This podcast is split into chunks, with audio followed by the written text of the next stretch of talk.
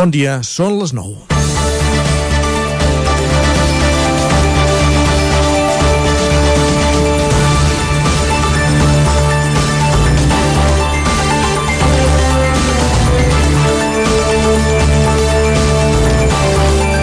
Nou dia de causa a Rodalies, tips de perdre el temps i la paciència, molts usuaris, els que poden, busquen alternatives al transport ferroviari mentre duri la vaga convocada pel sindicat de maquinistes CEMAF.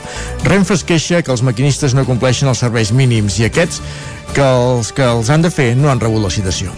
Tot just avui les dues parts es posen a negociar. Sobre la taula hi ha encara quatre jornades més de vaga, els dies 7, 8, 11 i 12 d'octubre. Amb aquesta vaga, els maquinistes volen reivindicar la recuperació de llocs de treball i de serveis, però hi ha un rerefons del que tampoc s'amaguen. El que volen evitar és, de totes totes, el traspàs del servei a la Generalitat. Veuen a venir pèrdua de drets laborals? D'això se'n diu posar abans la vena que la ferida i tornen a posar en evidència que el que cal és actuar, amb traspàs o sense, però amb urgència, perquè la vaga ha portat al caos, però el dia a dia queda lluny massa sovint del que seria acceptable. Havent recuperat WhatsApp, Facebook, Instagram, obrim la xarxa del Territori 17 a la sintonia d'Ona Codinenca, la veu de Sant Joan, Ràdio Cardedeu, Ràdio Vic, el 9 FM i el 9 TV. La RAC. Territori 17, amb Isaac Moreno i Jordi Sunyer.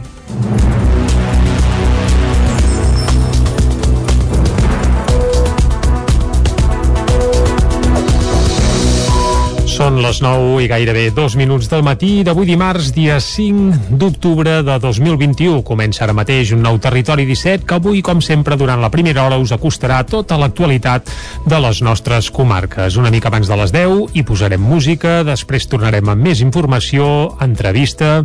Avui, com que és dimarts, per exemple, ens acompanyarà Manel Dot, amb qui farem balanç meteorològic del mes de setembre, que ja hem deixat enrere.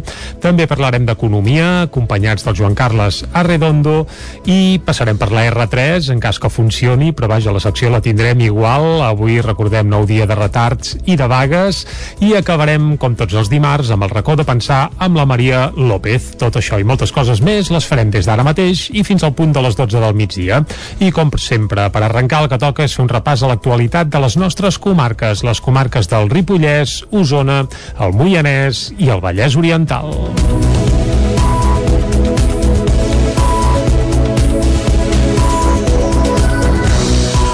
Una multinacional alemanya comença a fer prospeccions a Gombrèn per extreure guix i l'Ajuntament hi està en contra. Isaac Muntades, des de la veu de Sant Joan. Fa algunes setmanes que la important multinacional alemanya Nauf va començar a fer prospeccions de guix a finques privades del terme municipal de Gombrèn amb la intenció d'extraure aquest mineral del municipi. Cal recordar que pujant per la carretera des de Camp de Bànol a mà dreta es pot veure una guixera abandonada que formaria part de la veta que arriba fins al municipi gombrenès. L'alcalde de la vila, César Uller, va revelar que Nauf, que l'abril de l'any 2018 va obtenir un permís d'investigació per buscar guix a Gombrèn per part de la Direcció General d'Energia, Mines i Seguretat Industrial del Departament d'Empresa i Coneixement, a principis del mandat l'any 2019 ja es va reunir amb el Batlle per parlar sobre el tema. Llavors, uns tècnics de l'empresa van exposar el seu interès a fer unes prospeccions en uns punts concrets, ja que no tenien cap dubte que el guix era de molta qualitat i només calia fer uns sondatges per veure si hi havia prou gruix i era rendible. La posició de l'equip de govern de Tots Junts Fem Gombrèn és que no volen de cap manera aquesta activitat al municipi per l'impacte que tindria sobre el territori, però saben que no depèn d'ells. Si fos un terreny públic ja diríem no, miri, no, no ens interessa,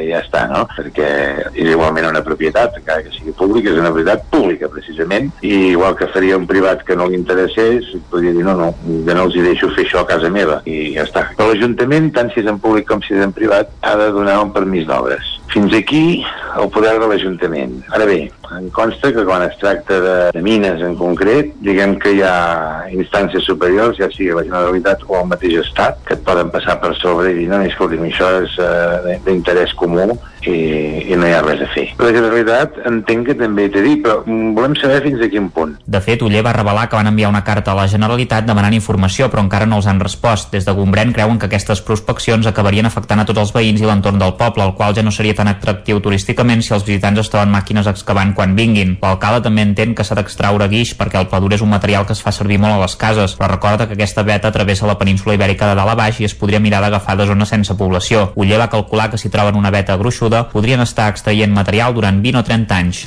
Des d'ahir al matí, que ja està en funcionament la nova comissaria de la Guàrdia Urbana de Vic, al sud de la ciutat. S'ha habilitat el local on ja hi havia l'oficina d'atenció ciutadana al barri del Remei. Hi haurà el servei de recepció de denúncies als agents de proximitat i la patrulla canina. Al local número 34 del carrer Virrei Avilés, dissabte s'inaugurava la nova subcomissaria de la Guàrdia Urbana de Vic, al barri del Remei. Durant tot el matí s'hi va fer una jornada de portes obertes i al migdia es va fer un acte on hi van assistir representants de la resta de cossos policials presents a la ciutat, Mossos d'Esquadra, Policia Nacional i Guàrdia Civil. La subcomissaria del Remei suposa la, materi la materialització ara d'un projecte que ja s'havia anunciat l'any 2008 durant el mandat de Josep Maria Vila de Badal. Escoltem per aquest ordre Elisabet Franquesa, regidora de Convivència i Seguretat de l'Ajuntament de Vic, i Anna R, alcaldessa de Vic. És un barri que ho heu demanat, ens ho heu demanat als veïns, us hem escoltat i quan hem pogut, ja ha estat l'ocasió, doncs ens hem eh, vist en cor d'obrir unes dependències noves per poder-hi fer front a totes aquestes necessitats que tots vosaltres també heu anat demanant dia a dia. Sabem que la ciutat creix, que creixen les complexitats, però si es treballa, doncs, diguem-ne, coordinadament entre tots i tenint molt clar que per davant hi ha els drets i deures de totes les persones, doncs segur que anirem avançant fent una ciutat molt millor. Amb la posada en marxa de la subcomissaria, la Guàrdia Urbana no duplica els serveis, sinó que els descentralitza. Al carrer Virrei Avilés hi haurà l'equip que rep denúncies, un servei que funcionarà de les 6 del matí a les 10 del vespre. Ho detalla Antoni Jurjo, inspector en cap de la Guàrdia Urbana de Vic. Totes les persones del sud podran venir a peu a presentar la denúncia si volen aquí a la Guàrdia Urbana i les persones de la zona nord podran continuar-ho fent els Mossos d'Esquadra. Llavors, en aquest sentit, penso que, que la, la gent del sud guanyarà netament a més a més, també desplacem aquí el servei de policia de proximitat. El local del carrer Virrei Avilés també manté el servei de mediació que ja hi havia i també l'oficina d'atenció ciutadana que els darrers mesos havia estat tancada per la pandèmia i per les obres per fer la nova subcomissaria. Ahir parlàvem d'alguns dels actes que es van fer per commemorar l'1 d'octubre a Osona i avui afegirem el que es va fer dissabte a Sant Julià de Vilatorta, on es va descobrir la placa que rebateja l'antiga plaça Marquès de la Quadra i va participar l'exconseller Interior Joaquim Forn, que va parlar del seu pas per la presó. L'exconseller d'Interior, Quim Forn, va ser el protagonista de l'acte per commemorar el quart aniversari del referèndum de l'1 d'octubre a Sant Julià de Vilatorta. Acompanyat de l'alcalde, Joan Carles Rodríguez, Forn va descobrir la placa que rebateja com a 1 d'octubre l'antiga plaça Marquès de la Quadra, situada just davant de de l'Ajuntament. Que la data del referèndum doni nom a aquest indret del municipi respon a una petició popular. Joan Carles Rodríguez és l'alcalde de Sant Julià de Vilatorta eh, celebrar eh, aquest nou nom de la plaça però a més a més fer-ho no només amb la gent que ens ha acompanyat i que van, van viure tots plegats aquell 1 d'octubre a Sant Julià sinó amb algú que va estar al capdavant del govern de la Generalitat doncs a nosaltres ens omple, ens omple d'orgull, estem molt contents i, i res, que aquesta plaça serveixi pels propers anys per eh, recordar a tothom que a Sant Julià de Vilatorta es va votar com es va votar a la resta de poblacions del país en un referèndum que malauradament doncs, va ser boicotejat de manera violenta per, pel regne d'Espanya no? per tant tinguem un compte En un escenari que es va improvisar a pocs metres de l'Aula de Cultura, centre de votació del municipi durant el referèndum, Forn va fer una lectura positiva de tot el que va comportar l'1 d'octubre de 2017. Escoltem a l'exconseller Quim Forn. Jo sóc dels que fa el discurs positiu i crec que va ser una victòria i que no ens ho hem de deixar rebassar de cap de les maneres aquesta victòria, que hem de continuar lluitant i que les coses s'aconsegueixen a força de persistir i això ho aconseguirem, no hi ha dubte perquè tenim un poble que està absolutament determinat i per tant estic segur eh, que aconseguirem eh, finalment complir el nostre somni. Precisament a l'Aula de Cultura, Forn hi va oferir una xerrada on va parlar del seu pas per la presó i el llegat del referèndum. Diumenge a la tarda, els actes per commemorar l'1 d'octubre a Sant Julià van acabar amb la projecció del documental de matinada, que narra l'operació Judes en la que el fulgarolenc Xevi Buigas està encausat. Anem ara per la crònica del darrer ple de l'Ajuntament de Cardedeu. La demanda que el Comitè d'Empresa Municipal de Cardedeu ha interposat a l'Ajuntament va ser el tema principal dels pregs i preguntes. Núria Lázaro, de Ràdio Televisió de Cardedeu. La demanda que el Comitè de l'Empresa Municipal de Cardedeu C10 ha interposat per precarietat laboral i pràctiques antisindicals va ser el tema principal del ple ordinari del mes de setembre de Cardedeu, malgrat va sorgir durant els pregs i preguntes. Jordi Nadal, de Junts, va explicar que era coneixedor de dues versions dels fets. Per al·lusions, Rafael Cavalleria donava resposta i l'ambient es va caldejar. Ha dit una cosa que no és veritat, permeti'm que li digui Diu que vostè coneix dues versions de la situació contradictòries. En tot cas en coneixerà una, perquè vostè no s'ha posat en contacte amb cap regidor d'aquest govern ni amb el gerent per preguntar després de les publicacions de les notes de premsa i la denúncia i tal eh, què estava passant he dit jo avui quelcom contra CDU o contra la seva gestió? Crec que l'únic que he dit és, com que veig dues versions molt diferents del que se m'explica en un lloc i un altre, proposo un ple extraordinari. Confio que retiri les paraules de que jo només tinc una versió perquè les meves hores m'ha costat tenir-ne dues. Per la seva part, el Partit Socialista de Cardedeu, amb Josep Quesada, va voler deixar clar que havien parlat amb el comitè de treballadors i que l'Ajuntament no s'havia reunit amb ells. Va demanar explicacions al regidor Uc Luquetti. Vull adreçar-me al senyor Luquetti, que el CDU, una part important del CDU és Jim 10, com és que no s'ha reunit amb els treballadors del comitè d'empresa per saber què és el que està passant. Podem anar a la manifestació per defensar que es desenvolupa l'aeroport del Prat. Podem anar a la defensa dels nostres companys als, als, als jutjats de Sabadell, però som incapaços de caminar 15 minuts per anar a parlar amb els treballadors de Cardeu i saber què és el que està passant al CDU. Per què no ho ha fet, senyor Luquetti? L'alcalde Enric Oliver va tancar el tema i s'ha decidit dedicar un ple extraordinari al cas de l'empresa C10. L'Ajuntament de Vigues i Riells del FAI indemnitzarà amb gairebé 86.000 euros els veïns afectats per l'IBI pagat de més l'any 2013. Caral Campàs, des d'Ona Codinenca.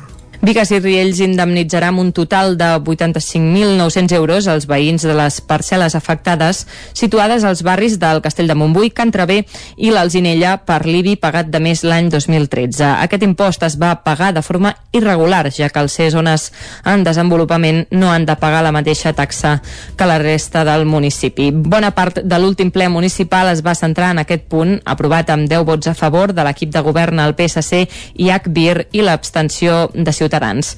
Aquest fet ja s'havia posat sobre la taula l'any 2016, quan es va aprovar per unanimitat portar a la Comissió Assessora Jurídica tota la documentació per tal que el retorn d'aquell impost cobrat irregularment es pogués fer efectiu. En aquell moment el cadastre va permetre el retorn de l'impost corresponent als anys 2014, 2015 i 2016. Segons Maite Escobar, regidora de Promoció Econòmica, l'impost del 2013 no es podia retornar com una devolució d'impostos indeguts. Llavors, eh, eh, eh, aquesta és la que es fa ara i no es fa com una devolució d'impostos indeguts perquè hem hagut d'assumir una responsabilitat patrimonial des de l'Ajuntament perquè el tràmit no es va fer correctament des de l'Ajuntament. Un tràmit que s'hauria d'haver presentat 10 dies després del ple, que va ser el novembre, es va presentar dos mesos després. Per tant, Cadastre va considerar que allò s'havia presentat fora de termini i per tant el 2000, eh, acceptava les, la, el que demanàvem a partir de l'any 2014 i el 2013 ens havia quedat penjat. L'any passat finalment es va acceptar la creació de la Comissió de la Reclamació de Responsabilitat Patrimonial instruïda d'ofici pel consistori. La comissió va respondre i va trobar relació entre el retard de la notificació d'alcaldia de l'acord del 2012 i els greuges econòmics dels propietaris. Així doncs, ara l'Ajuntament pot retornar als veïns, abans que finalitzi l'any, els imports corresponents al 2013 amb una indemnització. Què hem fet ara? Pues acceptar aquesta responsabilitat patrimonial i amb aquesta dotació que hem fet amb la modificació de crèdits farem el pagament a cada un dels veïns de manera particular i revisant les seves condicions en concepte d'aquesta indemnització per eh, responsabilitat patrimonial. Tot i això, encara s'ha de retornar l'IBI d'abans del 2013, ja que fa molts anys que els veïns el paguen de forma irregular. Segons el consistori, no poden fer-ho encara perquè no estan emparats per la llei, però segueixen buscant vies per tal que es faci realitat. Aconseguir una imatge del cor en tres dimensions és el que s'aconsegueix amb l'angiotac coronari, una prova de diagnòstic d'imatge innovadora que es fa a l'Hospital Universitari de Vic des d'aquest estiu. La prova ha de servir per descartar o confirmar una malaltia cardíaca significativa i gràcies a la seva alta definició també serveix per fer un diagnòstic d'altres patologies. Fins ara tots els pacients amb dolor toràcic amb risc de patir una cardiopatia eren derivats a l'Hospital Clínic de Barcelona i amb la Covid-19 les llistes d'espera per un TAC coronari havien augmentat de forma significativa. Ara, però, i des de finals d'aquest estiu, els pacients es poden estalviar el desplaçament i poden tenir un diagnòstic molt abans. El de Vic és el primer centre sanitari de la Catalunya central que fa aquesta prova. En parlàvem ahir, els tastets de porc i cervesa han substituït aquest cap de setmana la fira que Manlleu dedicava de cada tardor a aquests dos productes. S'han fet actes d'aforament reduït en diferents espais de la ciutat a l'espera que l'any que ve es pugui recuperar la normalitat d'abans de la pandèmia. El manlleuenc Jonathan Plaza s'ha convertit en els últims anys en un influencer de les cerveses artesanes. El seu compte d'Instagram té 19.000 seguidors i divendres al vespre conduïa un tast al Teatre del Casal de Gràcia. Era una de les activitats dels tastets de porc i cervesa, la fórmula amb la que s'ha adaptat al context de pandèmia l'habitual fira que Manlleu dedica a aquests dos productes. Plaza va conduir una batllada en què es van tastar cerveses que apunten les noves tendències, l'Sneipa, amb gustos afruitats i molt llupolades. La cervesa artesana, assegura Plaza, és un sector a l'alça. Aquí el boom de la cerveza artesana en Cataluña empezó en el 2015, un boom muy grande, y ahora hay mucho, mucho interés cada vez más. Sí que por la pandemia ha disminuido un poco, pero luego ahora se nota que la gente tiene muchas ganas de conocer la cerveza artesana, que es un mundo muy, muy, muy, muy amplio, que la gente tendría que conocer. Els tastets de porc i cervesa han programat diversos actes descentralitzats durant el cap de setmana i amb aforaments reduïts. El format ha funcionat en un any que s'espera que sigui de transició per poder recuperar la fira de cara a la temporada que ve. Eudal Sallarès és el regidor de promoció econòmica de l'Ajuntament de Manlleu. Estem fent eh, actes des de 15 persones màxim eh, fins a tassos de màxim 50 persones. Llavors és fàcil que s'omplin ràpid, però tot i això ens hem sorprès una mica de la rapidesa amb el, amb el que s'han omplert alguns alguns. I la idea és aquesta. Per poc que puguem, l'any que ve ens agradaria, si podem, i ens ho permet tota la situació, doncs, eh, tornar a organitzar una fira. La programació del porc i la cervesa també va incloure música amb concerts com el de la Ludwig Band divendres a la plaça Fra Bernadí, on dissabte, per exemple, també hi va tocar Guillem Roma.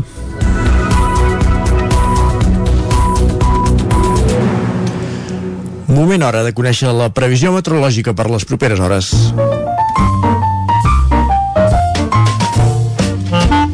Casa Terradellos us ofereix el temps. I com sempre, per conèixer el temps, el que fem és saludar en Pep Acosta. Bon dia, Pep. Hola, molt bon dia. I molt bona hora. Què tal esteu? Bé, Bé gràcies. Avui sí, avui estic uh, eufòric. eufòric. Ah, Bueno, eufòric però no seria tant.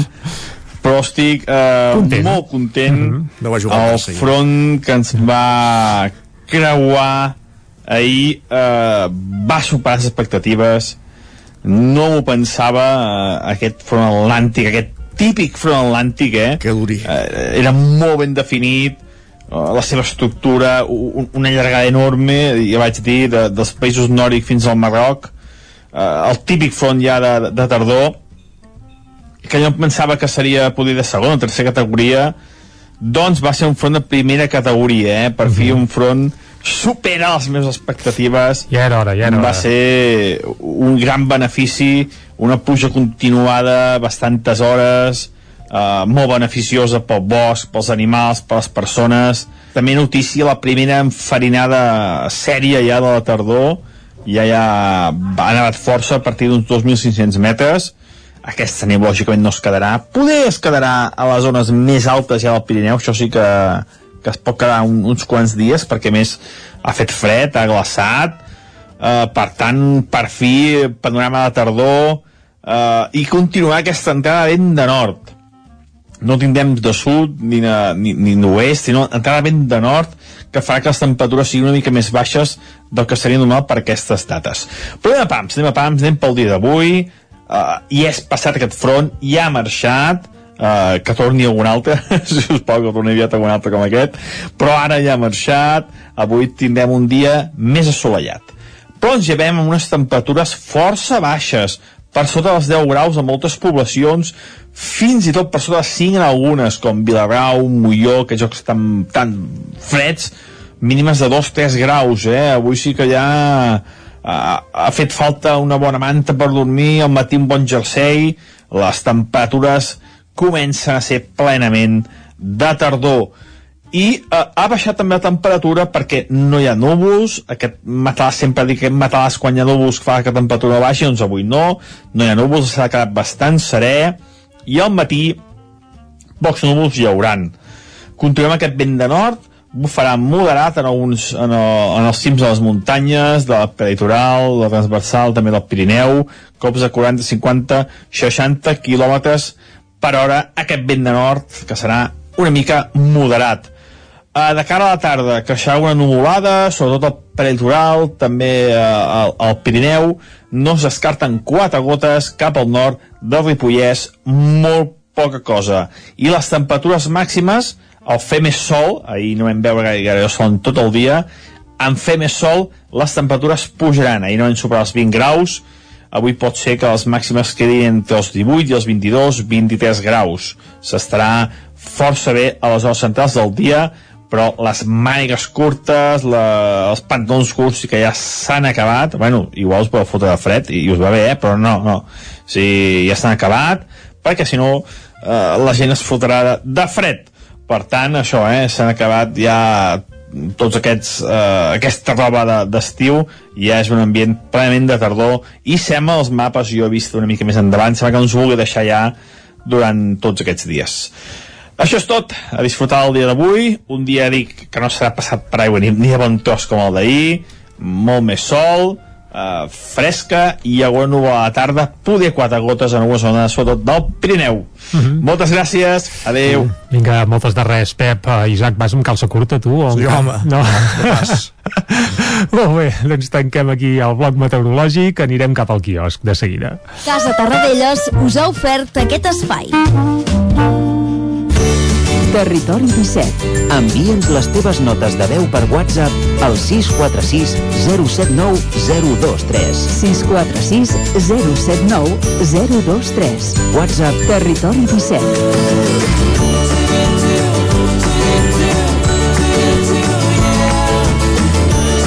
Territori 17. Som a Facebook, Twitter i Instagram amb l'usuari Territori 17.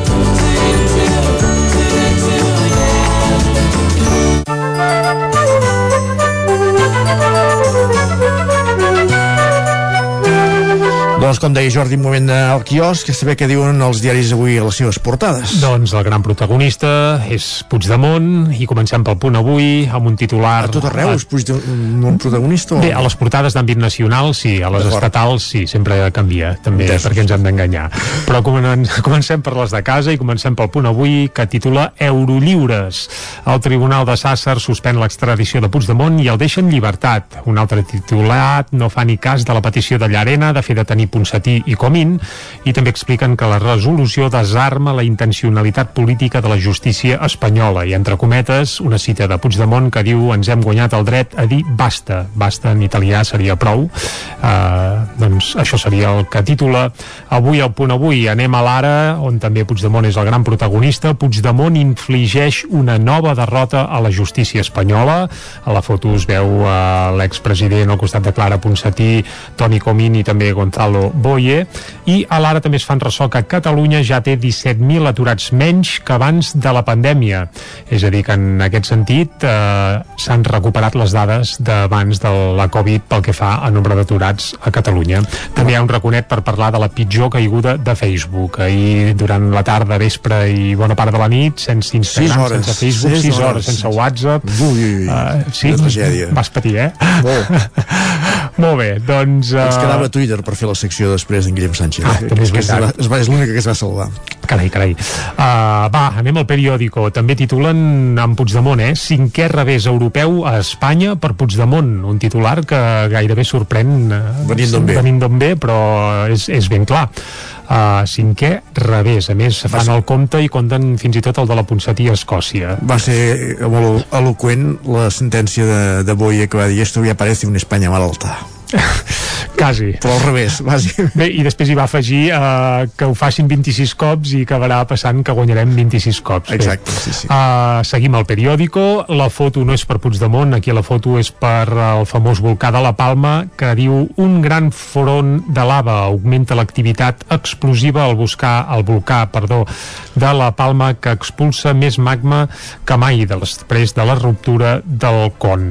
Uh, les imatges, com sempre, que ens arriben des de les Canàries són espectaculars. La Vanguardia també obre amb Puigdemont, eh? Itàlia tampoc no extradeix Puigdemont i aquest tampoc també ens dona a entendre que hi calcen una mica d'opinió que també pot sorprendre eh, amb el to que agafa sovint la Vanguardia però bé, és que va ser tan clar que, això, que l'evidència- és l'evidència, no? I uh, la foto, la foto, hi ha una foto petita de Puigdemont, però la foto gran de la portada de l'avantguàrdia és per un camió al Regne Unit i diu l'exèrcit ja reparteix gasolina al Regne Unit.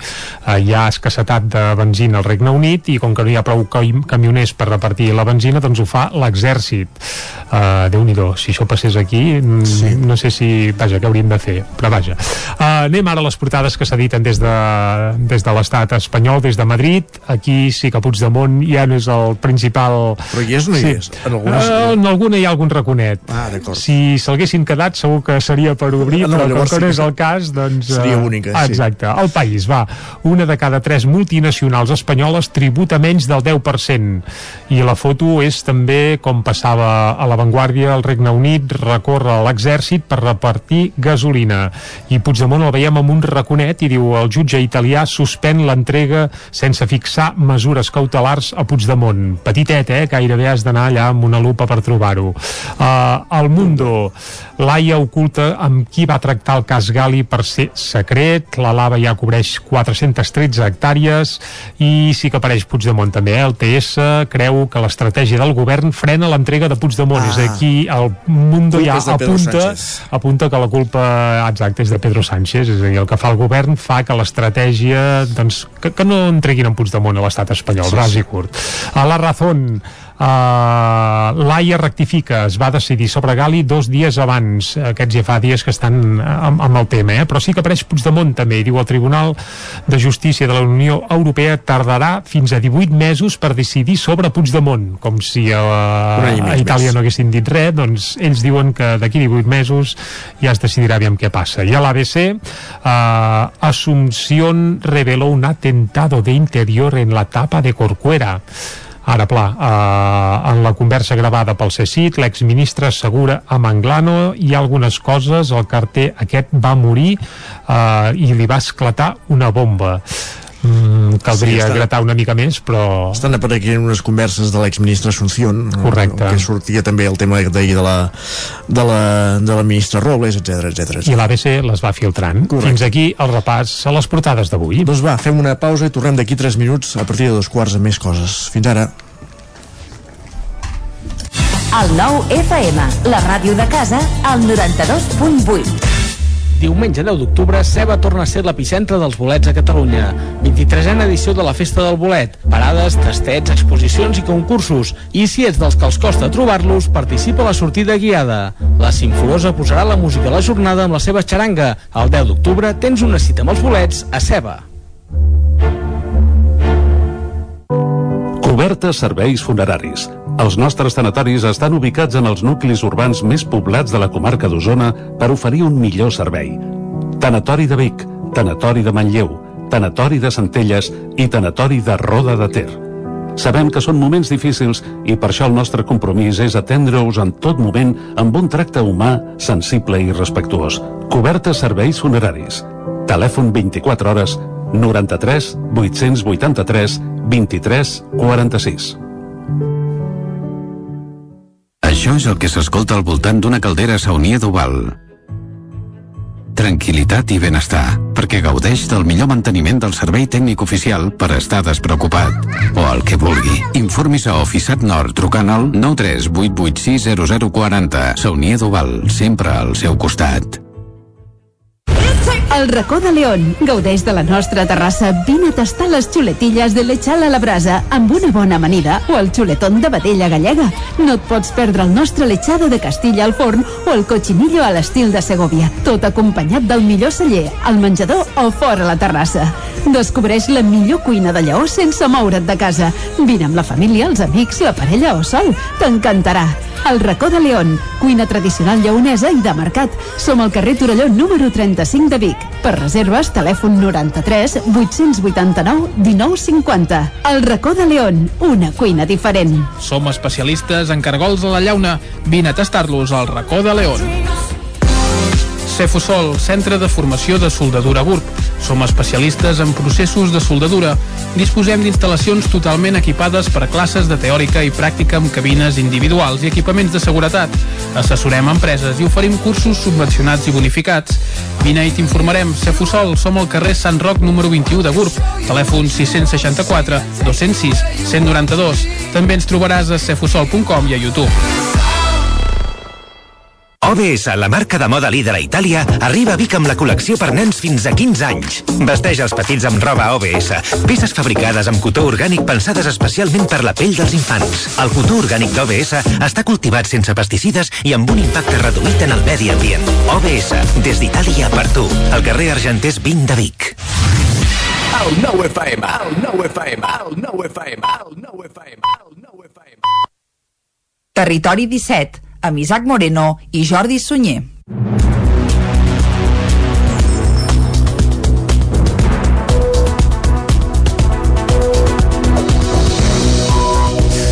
Dos quarts de deu en punt, seguim en directe aquí a Territori 17 en aquest dimarts, dia 5 d'octubre de 2021 i abans d'arribar a les 10 el que farem de seguida és acostar-vos de nou tota l'actualitat de les nostres comarques. Després hi posarem música anirem a l'entrevista avui per parlar i conèixer els detalls de la Fira d'Economia Social Solidària i de Cooperació que es farà a Cardedeu. Això en parlarem a l'entrevista avui aquí a Territori 17 després com que és dimarts doncs també parlarem d'economia Economia, ho farem amb en Joan Carles Arredondo, ens visitarà en Manel Dot, amb qui farem balanç meteorològic del mes de setembre que ja hem deixat enrere, i avui acabarem amb el racó de pensar amb la Maria López. Ah, i també passarem per la R3, eh, on jornada novament de vaga, retards, trens que no apareixen, i una de les línies més afectades d'arreu del Principat, sabeu quina és?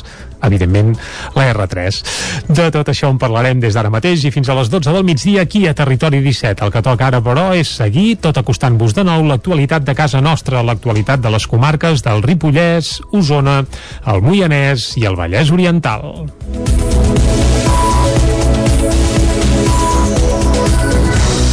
Una multinacional alemanya comença a fer prospeccions a Gombrèn per extreure guix i l'Ajuntament hi està en contra. Isaac Muntades, des de la veu de Sant Joan. Fa algunes setmanes que la important multinacional alemanya Nauf va començar a fer prospeccions de guix a finques privades del terme municipal de Gombrèn amb la intenció d'extraure aquest mineral del municipi. Cal recordar que pujant per la carretera des de Camp de Bànol a mà dreta es pot veure una guixera abandonada que formaria part de la veta que arriba fins al municipi gombrenès. L'alcalde de la vila, César Uller, va revelar que Nauf, que l'abril de l'any 2018 va obtenir un permís d'investigació per buscar guix a Gombrèn per part de la Direcció General d'Energia, Mines i Seguretat Industrial del Departament d'Empresa i Coneixement, a principis del mandat l'any 2019 ja es va reunir amb el Batlle per parlar sobre el tema. Llavors, uns tècnics de l'empresa van exposar el seu interès a fer unes prospeccions en uns punts concrets, ja que no tenien cap dubte que el guix era de molta qualitat i només calia fer uns sondatges per veure si hi havia prou gruix i era rendible. La posició de l'equip de govern de Tots Junts Fem Gombrèn és que no volen de cap manera aquesta activitat al municipi per l'impacte que tindria sobre el territori, però saben que no depèn d'ells. Si fos en terreny públic ja diríem no, miri, no, no ens interessa,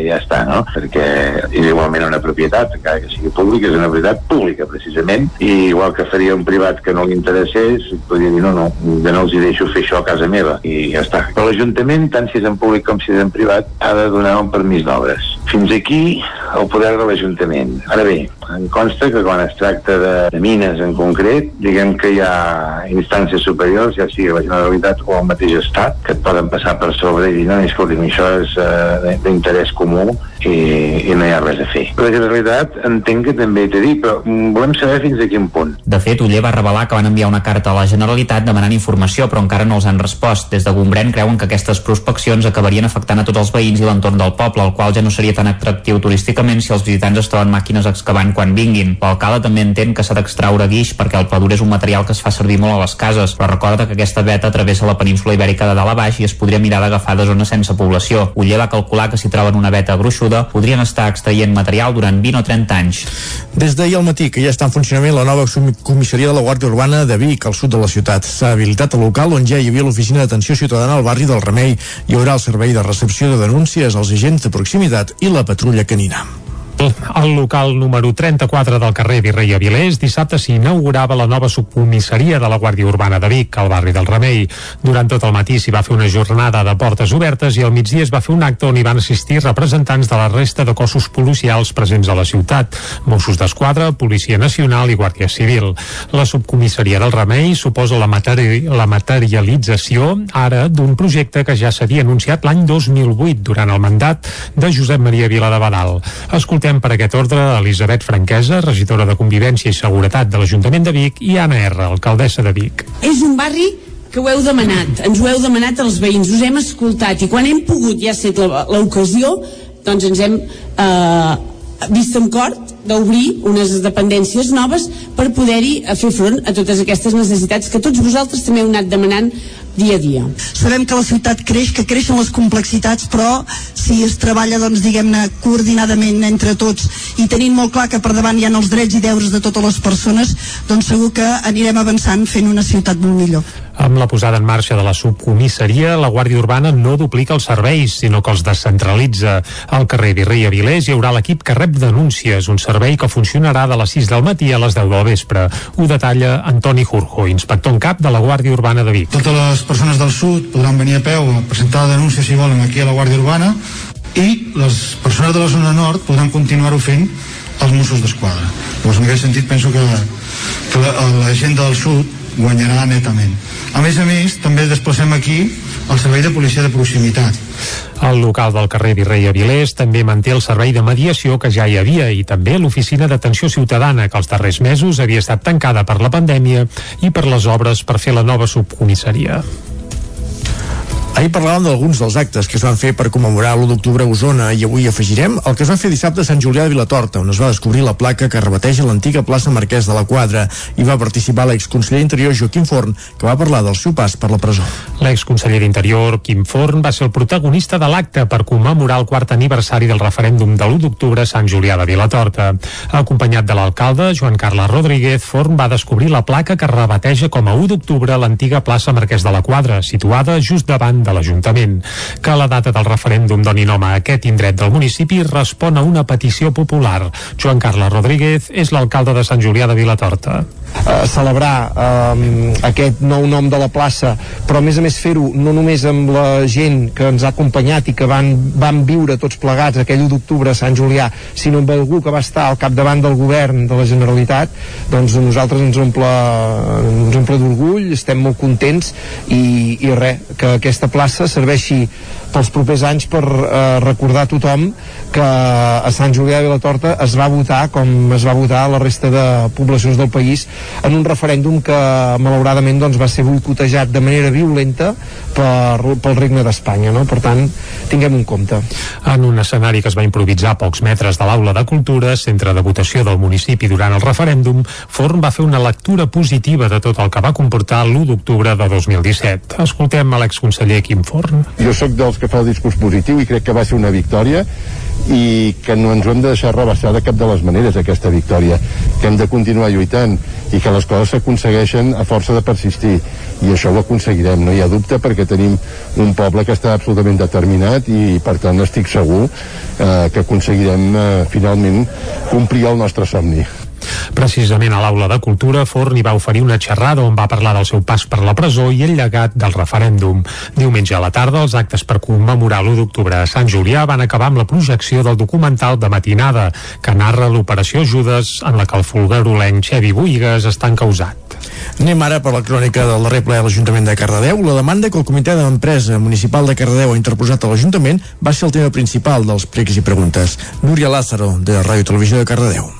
La demanda que el Comitè de l'Empresa Municipal de Cardedeu, C10, ha interposat per precarietat laboral i pràctiques antisindicals va ser el tema principal del ple ordinari del mes de setembre de Cardedeu, malgrat va sorgir durant els pregs i preguntes. Jordi Nadal, de Junts, va explicar que era coneixedor de dues versions dels fets. Per al·lusions, Rafael Cavalleria donava resposta i l'ambient es va caldejar. Ha dit una cosa que no és veritat, permeti'm que li digui.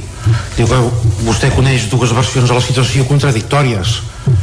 En tot cas, en coneixerà una, perquè vostè no s'ha posat en contacte amb cap regidor d'aquest govern ni amb el gerent per preguntar després de les publicacions de les notes de premsa i la denúncia i tal eh, què estava passant he dit jo avui quelcom contra CDU o contra la seva gestió?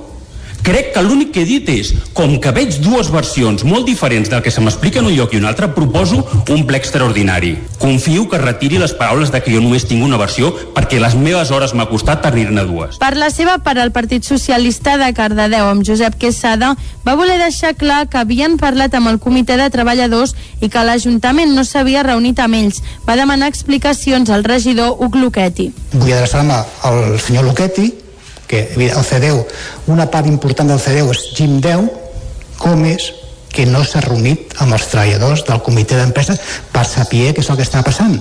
Podem anar a la manifestació per defensar que no es desenvolupi l'aeroport del Prat. Podem anar a la defensa dels nostres companys als, als, als jutjats de Sabadell, però som incapaços de caminar 15 minuts per anar a parlar amb els treballadors de Cardeu i saber què és el que està passant al C10 per què no ho ha fet, senyor Luquetti? L'alcalde Enric Oliver va tancar el tema i s'ha decidit dedicar un ple extraordinari al cas de l'empresa C10. L'Ajuntament de Vigues i Riells del FAI indemnitzarà amb gairebé 86.000 euros els veïns afectats per l'IBI pagat de més l'any 2013. Caral Campàs, des d'Ona Codinenca. Vigues i Riells indemnitzarà amb un total de 85.900 euros als veïns de les parcel·les afectades situades als barris del Castell de Montbui, Can Travé i l'Alzinella per l'IBI pagat de més l'any 2013. Aquest impost es va pagar de forma irregular, ja que els zones en desenvolupament no han de pagar la mateixa taxa que la resta del municipi. Bona part de l'últim ple municipal es va centrar en aquest punt, aprovat amb 10 vots a favor de l'equip de govern al PSC i HBIR i l'abstenció de Ciutadans ciutadans. Aquest fet ja s'havia posat sobre la taula l'any 2016, quan es va aprovar per unanimitat portar a la Comissió Assessora Jurídica tota la documentació per tal que el retorn d'aquell impost cobrat irregularment es pogués fer efectiu. En aquell moment el cadastre va permetre el retorn de l'impost corresponent als anys 2014, 2015 i 2016. Segons Maite Escobar, regidora de Promoció Econòmica, l'impost del 2013 no es podia retornar com una devolució d'impostos indeguts. Llavors, eh, eh, eh, aquesta és la que es fa ara i no es fa com una devolució d'impostos indeguts perquè hem hagut d'assumir una responsabilitat patrimonial des de l'Ajuntament perquè el tràmit no es va fer correctament des de l'Ajuntament. Un tràmit que s'hauria d'haver presentat 10 dies després del ple, que va ser novembre, es va presentar dos mesos després. Per tant, Cadastre va considerar que jo s'havia presentat fora de termini i per tant el 2000, eh, acceptava les, la, el que demanàvem a partir de l'any 2014 i el 2013 ens havia quedat penjat. L'any passat finalment es va acceptar la creació de la Comissió de la Reclamació de Responsabilitat Patrimonial instruïda d'ofici pel consistori. La comissió va respondre i va trobar relació entre el retard de la notificació d'alcaldia de l'acord del 2012 i els greuges econòmics dels propietaris. Així doncs, ara l'Ajuntament pot retornar als veïns, abans que finalitzi l'any, els imports corresponents al 2013 amb una indemnització. Què hem fet ara? Pues acceptar aquesta responsabilitat patrimonial i amb aquesta aquesta dotació que hem fet amb la modificació de crèdits farem el pagament a cada un dels veïns de manera particular i revisant les seves condicions en concepte d'aquesta indemnització per eh, responsabilitat patrimonial. Tot i això, encara s'ha de retornar l'IBI d'abans del 2013, ja que fa molts anys que els veïns el paguen de forma irregular. Segons el consistori, no poden fer-ho encara perquè no estan emparats per la llei, però segueixen buscant vies per tal que es faci realitat. Aconseguir una imatge del cor en tres dimensions és el que s'aconsegueix amb l'angiotac coronari, una prova de diagnòstic d'imatge innovadora que es fa a l'Hospital Universitari de Vic des d'aquest estiu. La prova ha de servir per descartar o confirmar una malaltia cardíaca significativa i gràcies a la seva alta definició també serveix per fer un diagnòstic d'altres patologies. Fins ara, tots els pacients amb dolor toràcic amb risc de patir una cardiopatia eren derivats a l'Hospital Clínic de Barcelona i amb la Covid-19 les llistes d'espera per un TAC coronari havien augmentat de forma significativa. Ara, però, i des de finals d'aquest estiu, els pacients es poden estalviar el desplaçament i poden tenir un diagnòstic molt abans. El de Vic és el primer centre sanitari de la Catalunya central que fa aquesta prova. En parlàvem ahir, els tastets de porc i cervesa han substituït aquest cap de setmana la fira que Manlleu dedicava de cada tardor a aquests dos productes. S'han fet actes d'aforament reduït en diferents espais de la ciutat a l'espera que l'any que ve es pugui recuperar la normalitat d'abans de la pandèmia. El manlleuenc Jonathan Plaza s'ha convertit en els últims anys en un influencer de les cerveses artesanes. El seu compte d'Instagram té 19.000 seguidors i divendres al vespre conduïa un tast al Teatre del Casal de Gràcia. Era una de les activitats dels tastets de porc i cervesa, la fórmula amb la que s'ha adaptat al context de pandèmia l'habitual fira que Manlleu dedica a aquests dos productes. Plaza va conduir una batllada en què es van tastar cerveses que apunten les noves tendències, l'Sneipa, amb gustos afruitats i molt llupolades. La cervesa artesana, assegura Plaza, és un sector a l'alça. Aquí el boom de la cerveza artesana en Cataluña empezó en 2015, un boom muy grande, y ahora hay mucho, mucho interés cada vez más. Sí que por la pandemia ha disminuido un poco, pero luego ahora se nota que la gente tiene muchas ganas de conocer la cerveza artesana, que es un mundo muy, muy, muy, muy amplio, que la gente tendría que conocer. Els tastets de porc i cervesa han programat diversos actes descentralitzats durant el cap de setmana i amb aforaments reduïts. El format ha funcionat en un any que s'espera que sigui de transició per poder recuperar la fira de cara a la temporada que ve. Eudal Sallarès és el regidor de promoció econòmica de l'Ajuntament de Manlleu. Estem fent eh, actes des de 15 persones màxim eh, fins a tastos de màxim 50 persones. Llavors és fàcil que s'omplin ràpid, però tot i això ens hem sorprès una mica de la rapidesa amb el, amb el que s'han omplert alguns. I la idea és aquesta. Per poc que puguem, l'any que ve ens agradaria, si podem, i ens ho permet tota la situació, doncs eh, tornar a organitzar una fira. La programació del porc i la cervesa també va incloure música amb concerts com el de la Ludwig Band divendres a la plaça Fra Bernadí, on dissabte, per exemple, també hi va tocar Guillem Roma.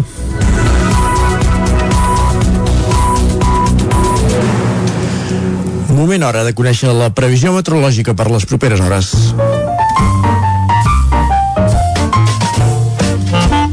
Casa Terradellos us ofereix el temps. I com sempre, per conèixer el temps, el que fem és saludar en Pep Acosta. Bon dia, Pep. Hola, molt bon dia. I molt bona hora. Què tal esteu? Eh, Bé, avui sí, avui estic uh, eufòric, eufòric, Ah, bueno, eufòric però no seria tant però estic uh, Content. molt content mm -hmm. No va jugar el massa, front que ens va creuar ahir uh, va superar les expectatives no m'ho pensava uh, aquest front atlàntic aquest típic front atlàntic eh? que duri uh, era molt ben definit uh, la seva estructura un, una llargada enorme ja vaig dir de, dels països nòrdics fins al Marroc uh, el típic front ja de, de tardor que jo pensava que seria poder de segona o tercera categoria doncs va ser un front de primera categoria eh? per fi un front supera les meves expectatives ja era hora, ja era va hora. ser un gran benefici una puja continuada bastantes hores eh, molt beneficiosa pel bosc, pels animals, per les persones també notícia la primera enfarinada sèria ja de la tardor ja ja ha anat força a partir d'uns 2.500 metres aquesta neu lògicament no es quedarà. Poder es quedarà a les zones més altes ja del Pirineu, això sí que, que es pot quedar un, uns quants dies perquè més ha fet fred, ha glaçat. Uh, per tant per fi panorama de tardor uh, i continuarà aquesta entrada vent de nord. No tindrem de sud ni, ni d'oest, sinó entrada vent de nord que farà que les temperatures siguin una mica més baixes del que seria normal per aquestes dates. Però anem a pams, anem a pams, anem pel dia d'avui, uh, i és passat aquest front, i ha marxat, uh, que torni algun altre, si us plau que torni aviat algun altre com aquest, però ara ja ha marxat, avui tindrem un dia més assolellat. Però ens llevem amb unes temperatures força baixes, per sota dels 10 graus a moltes poblacions, fins i tot per sota de 5 en algunes, com Vilagrau, Molló, que jocs tan, tan freds, mínimes de 2-3 graus, eh? Avui sí que ja ha, ha fet falta una bona manta per dormir, al matí un bon jersei, les temperatures comencen a ser plenament de tardor. I eh, ha baixat també la temperatura perquè no hi ha núvols aquest matalàs sempre dic que matalàs quan hi ha núvols fa que la temperatura baixa doncs avui no, no hi ha núvols s'ha quedat bastant serè i al matí pocs núvols hi hauran.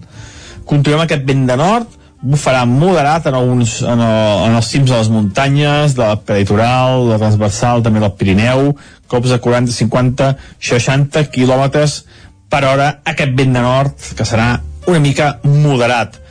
Uh, de cara a la tarda, creixerà una nuvolada, sobretot al prelitoral, també uh, al, al Pirineu, no es descarten quatre gotes cap al nord del Ripollès, molt poca cosa. I les temperatures màximes, al fer més sol, ahir no vam veure gaire, gaire sol tot el dia, en fer més sol, les temperatures pujaran. Ahir no vam superar els 20 graus, avui pot ser que les màximes quedin entre els 18 i els 22, 23 graus. S'estarà força bé a les hores centrals del dia, però les maigues curtes, la, els pantalons curts que ja s'han acabat, bueno, igual us podeu fotre de fred i, i us va bé, eh? però no, no. Sigui, ja s'han acabat, perquè si no eh, la gent es fotrà de, de fred. Per tant, això, eh, s'han acabat ja tots aquests, eh, aquesta roba d'estiu. De, ja és un ambient plenament de tardor i sembla els mapes, jo he vist una mica més endavant, sembla que ens vulgui deixar ja durant tots aquests dies. Això és tot, a disfrutar el dia d'avui, un dia dic que no serà passat per aigua ni, ni de bon tros com el d'ahir, molt més sol, eh, fresca i alguna nova a la tarda, poder quatre gotes en algunes zones, sobretot del Pirineu. Uh -huh. Moltes gràcies, adeu. Uh, vinga, moltes de res, Pep. Uh, Isaac, vas amb calça curta, tu? O sí, home. No. Molt bé, doncs tanquem aquí el bloc meteorològic, anirem cap al quiosc de seguida. Casa Tarradellas us ha ofert aquest espai. Territori 17. Envia'ns les teves notes de veu per WhatsApp al 646 079 023. 646 079 023. WhatsApp Territori 17.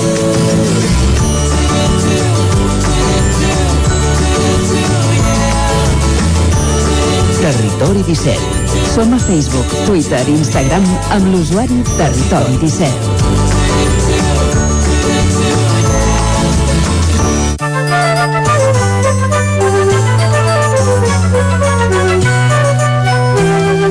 Doncs com deia Jordi, un moment al quiosc, a saber què diuen els diaris avui a les seves portades. Doncs el gran protagonista és Puigdemont i comencem pel punt avui amb un titular... A tot arreu és Puigdemont un protagonista? O... Bé, a les portades d'àmbit nacional sí, a les estatals sí, sempre canvia, també, Entesos. perquè ens hem d'enganyar.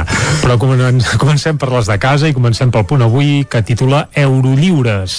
El Tribunal de Sàsser suspèn l'extradició de Puigdemont i el deixa en llibertat. Un altre titulat no fa ni cas de la petició de Llarena de fer detenir Ponsatí i Comín i també expliquen que la resolució desarma la intencionalitat política de la justícia espanyola. I entre cometes una cita de Puigdemont que diu ens hem guanyat el dret a dir basta basta en italià seria prou. Uh, doncs això seria el que titula avui al punt avui anem a l'ara on també Puigdemont és el gran protagonista. Puigdemont infligeix una nova derrota a la justícia espanyola. A la foto es veu uh, l'expresident al costat de Clara Ponsatí Toni Comín i també Gonzalo Boye.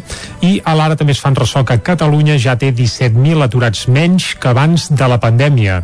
És a dir que en aquest sentit eh, s'han recuperat les dades d'abans de la Covid pel que fa a nombre d'aturats a Catalunya.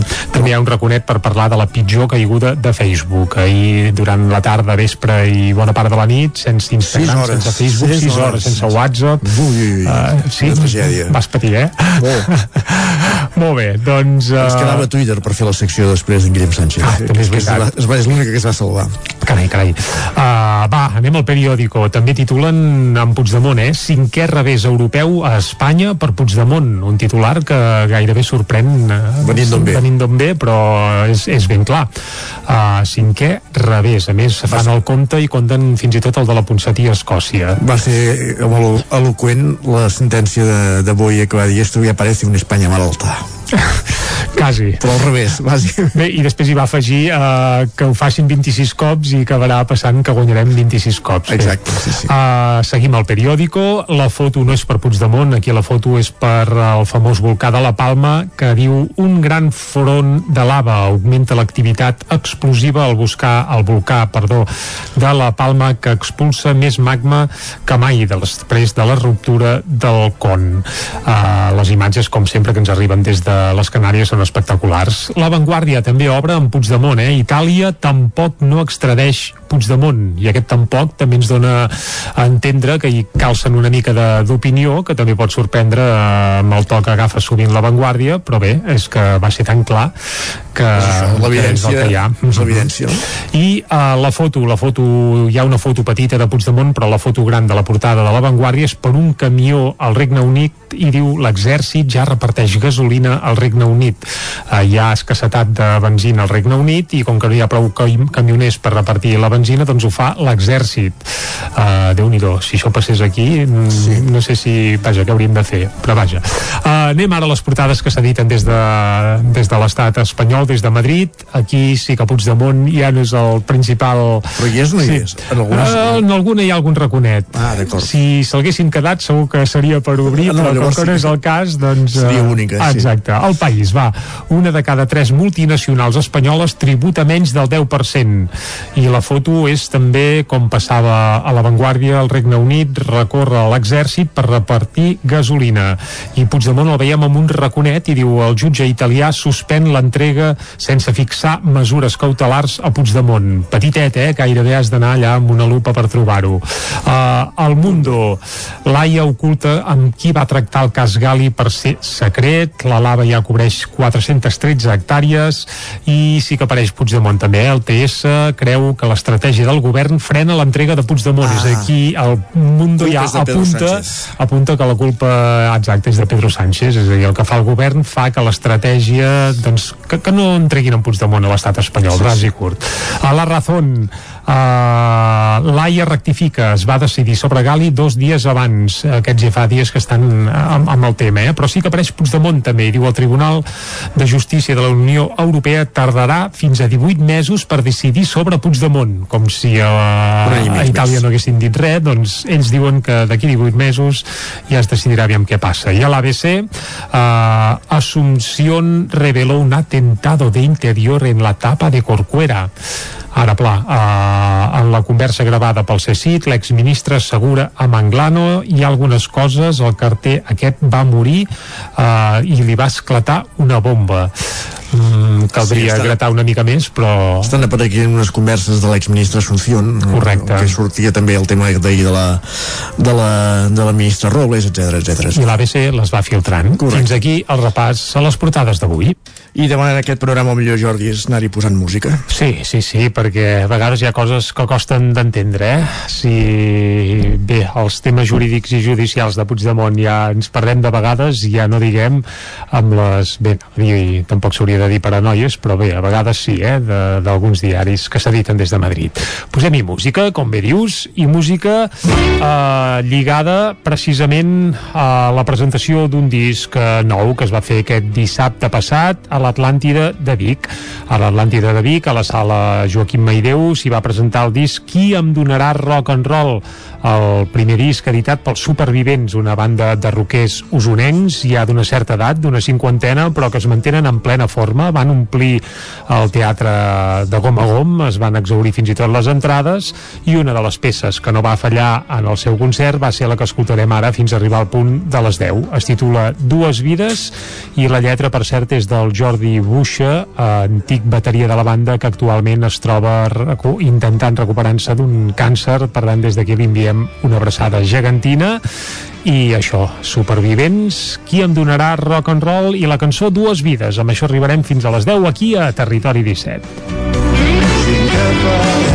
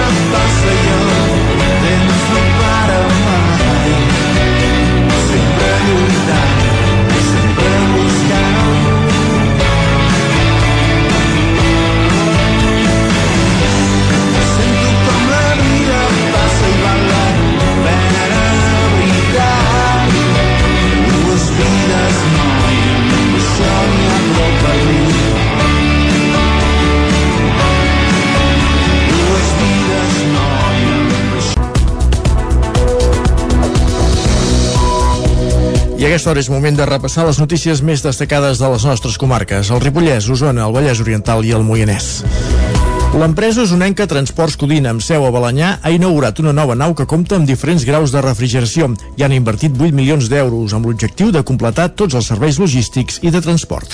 Emmagatzematge en fred i congelat per a clients del sector alimentari és el que ofereix la nova nau de 2.500 metres quadrats que l'empresa usonenca de distribució i logística Transports Codina ha inaugurat al costat de les instal·lacions que ja tenia l'antiga Nacional 152 en terme municipal de Balanyà. L'empresa ja ha invertit 8 milions d'euros euros. Els dos molls de càrrega donen accés a una gran zona refrigerada a 4 graus des d'on es distribueix el producte a dos espais més. Una cambra de congelació a 20 graus sota zero amb capacitat per entre 2.500 i 2.800 palets i tres túnels d'ultracongelació ràpida a 40 graus sota zero amb una capacitat de 30.000 quilos al dia. Sílvia Codina és administradora de Transports Codina.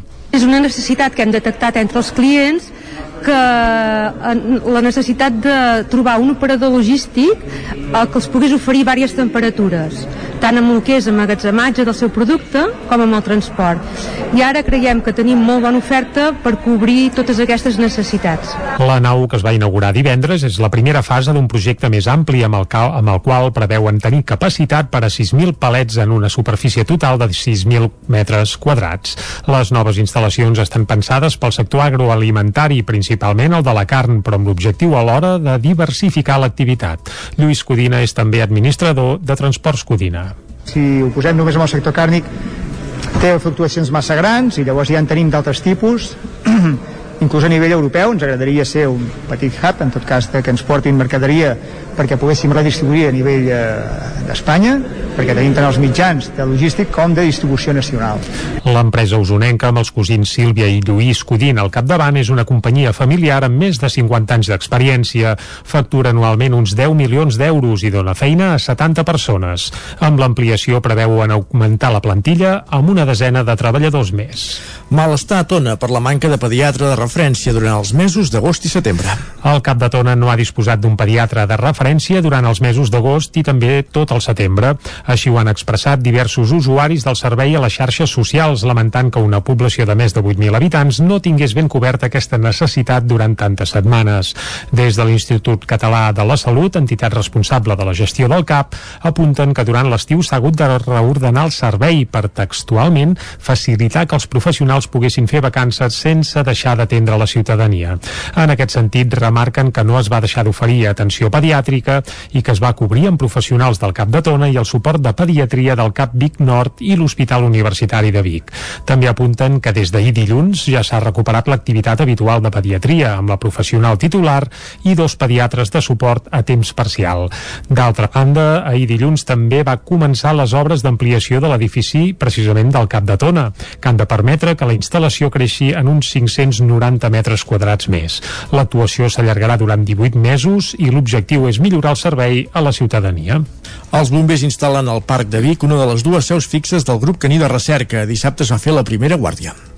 Xot, un labrador i frausa, una border collie, són els dos gossos del grup caní de recerca dels bombers que dissabte al matí feien la seva primera guàrdia des del Parc de Bombers de Vic. A la capital d'Osona s'hi han instal·lat, s'hi ha instal·lat, perdó, una de les dues seus fixes de la unitat, on faran guàrdia els guies i els gossos de recerca durant 24 hores als 365 dies de l'any. Ara, al parc hi ha tres casetes per als gossos, la tercera de les quals aquest dissabte també ocupava la Lia, un cadell que es comença a entrenar per poder rastrejar i col·laborar amb la tasca del grup de recerca en un futur.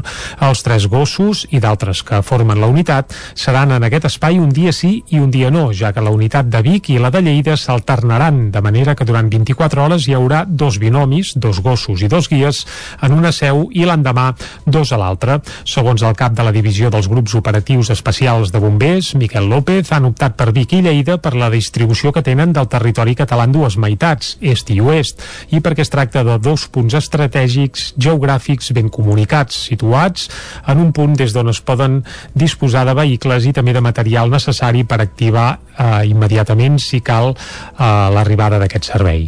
Segons les dades dels bombers, l'any passat el grup Caní va fer un total de 133 serveis, 24 dels quals van ser precisament per recerca de boletaires. Aquest any de moment n'hi ha hagut 10, en els quals no han hagut d'intervenir perquè s'han acabat resolent ràpidament. Ripoll podria tenir una base de manteniment de convois ferroviaris després que DIF estudia ampliar l'existent.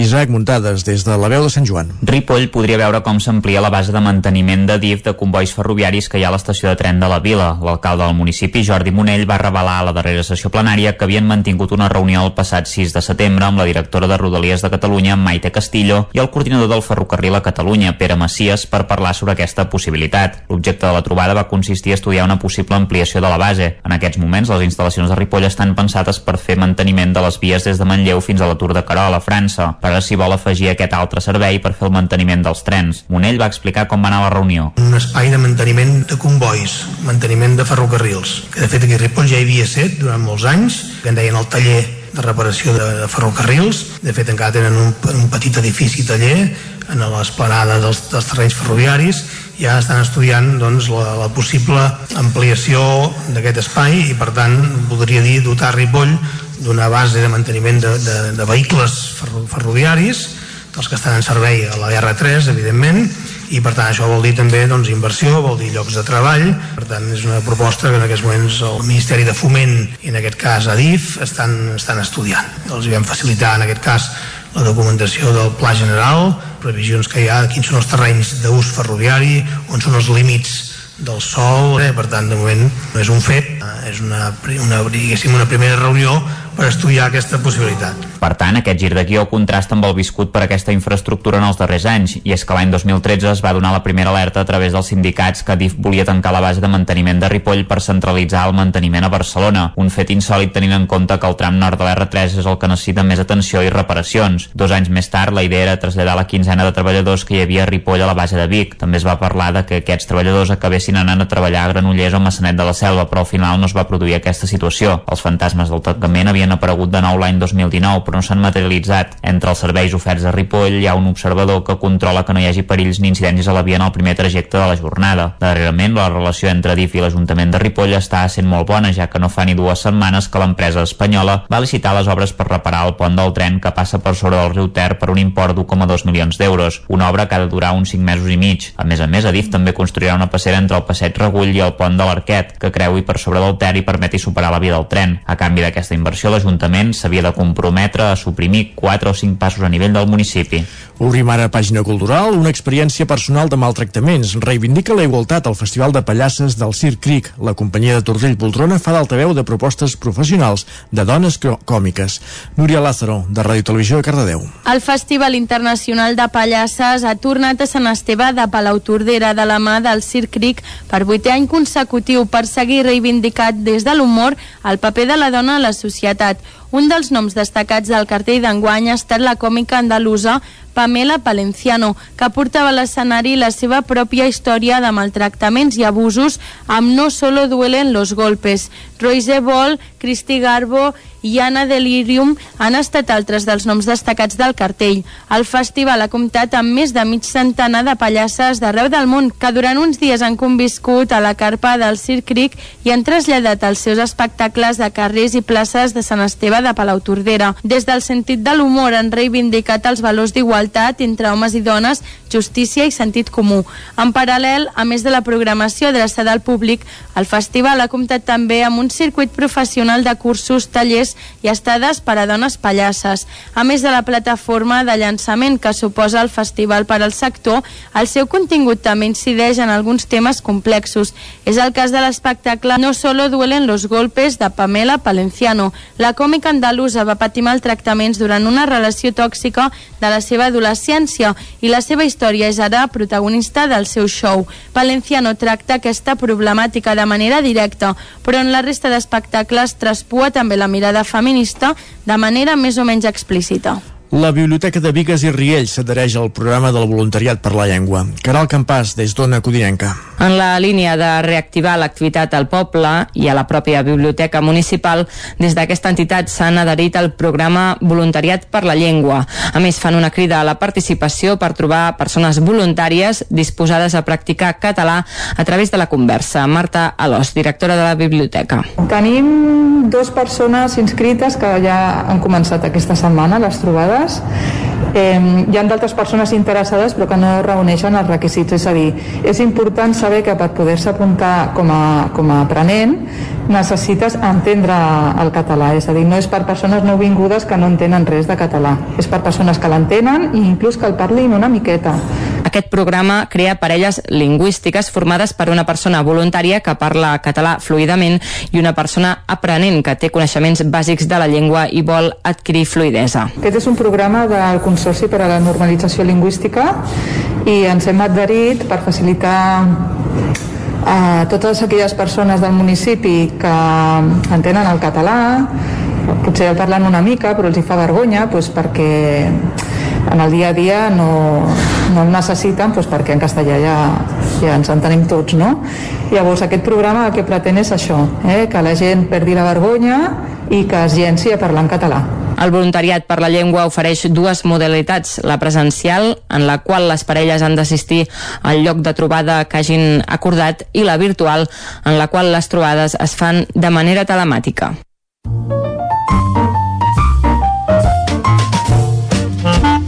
Casa Terradellos us ofereix el temps. I quan passen 11 minuts i mig de les 10 del matí és el moment de recuperar la informació meteorològica i saber el temps que ens espera per a les properes hores. I és per això que saludem de seguida en Pep Acosta. Pep, bon dia de nou. Hola, molt bon dia. I molt bona hora. Per fi, panorama de tardor uh -huh. uh, i continuar aquesta entrada vent de nord. No tindrem de sud ni, de, ni, ni d'oest, sinó entrada vent de nord que fa que les temperatures siguin una mica més baixes del que seria normal per aquestes dates. Però anem a pams, anem a pams, anem pel dia d'avui, uh, i és passat aquest front, ja ha marxat, uh, que torni algun altre, si us pot, Ara, ara, que tornin, que tornin. Però ara ja ha marxat, avui tindrem un dia més assolellat. Però ens llevem amb unes temperatures força baixes, per sota dels 10 graus a moltes poblacions, fins i tot per sota de 5 en algunes, com Vilabrau, Molló, que jocs tan, tan freds, mínimes de 2-3 graus, eh? Avui sí que ja ha, Fresca, ha fet fresca. falta una bona manta per dormir, al matí un bon jersei, les temperatures comencen a ser plenament de tardor i eh, ha baixat també la temperatura perquè no hi ha núvols aquest matalàs sempre dic que aquest matalàs quan hi ha núvols fa que la temperatura baixi doncs avui no, no hi ha núvols s'ha quedat bastant serè i al matí pocs núvols hi hauran continuem aquest vent de nord bufarà moderat en, alguns, en, el, en els cims de les muntanyes, de la peritoral, la transversal, també del Pirineu, cops de 40, 50, 60 quilòmetres per hora, aquest vent de nord, que serà una mica moderat.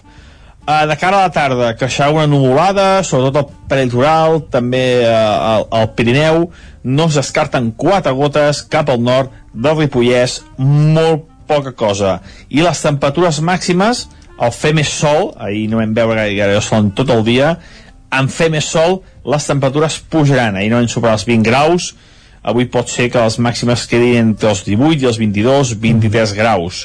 S'estarà força bé a les hores centrals del dia, però les mànigues curtes, la, els pantalons curts que ja s'han acabat, bueno, igual us podeu fotre de fred i, i us va bé, eh? però no, no, No, no. Sí, ja s'han acabat, perquè si no eh, la gent es fotrà de, de fred. Per tant, això, eh, s'han acabat ja tots aquests, eh, aquesta roba de- d'estiu ja és un ambient plenament de tardor i sembla els mapes, jo he vist una mica més endavant, sembla que no ens vulgui deixar ja durant tots aquests dies. Això és tot, a disfrutar el dia d'avui, un dia dic que no serà passat per aigua ni, ni de bon com el d'ahir, molt més sol, eh, fresca i haurà núvol a la tarda, poder quatre gotes en algunes zones, sobretot del Pirineu. Moltes gràcies, fins demà, adeu. Vinga, Pep, que vagi molt bé. Doncs ja està, aparcarem els pantalons curts i les mànigues curtes perquè sembla que la tardor ha arribat per quedar-se, eh, la meteorològica. De fet, és el que toca, eh? Sí, sí, sí, fet i fotut, i és això. Comentari d'avi rondinaire. Va, avui encara parlarem més de meteorologia, eh? perquè d'aquí una estona també ens visitarà el Manel Dot, amb qui un cop al mes passem balanç del mes que deixem enrere. Per tant, seguirem parlant del temps aquí a Territori 17. Ara, però, és el moment de l'entrevista. Som-hi. Casa Tarradellas us ha ofert aquest espai. Territori 17. Envia'ns les teves notes de veu per WhatsApp al 646 079 023. 646 079 023. WhatsApp Territori 17.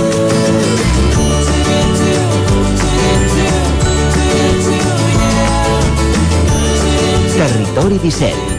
Som a Facebook, Twitter i Instagram amb l'usuari Territori 17.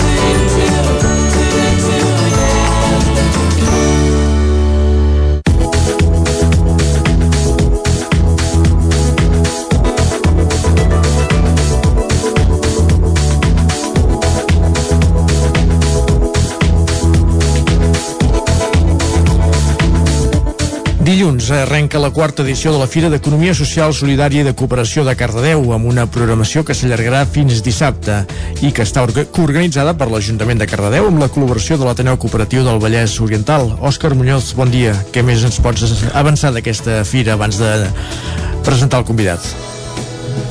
Bones. Eh, bon dia.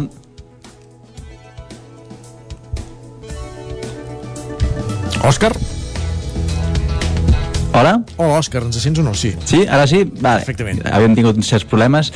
Doncs, doncs sí, per parlar d'aquesta fira, que és això que s'està organitzant aquesta setmana aquí a Cardedeu, doncs eh, hem vingut a parlar d'aquest tema amb el, amb el Ramon Arribas, doncs, regidor de Desenvolupament Local de, de l'Ajuntament de Cardedeu. Bon dia, Ramon. Hola, bon dia.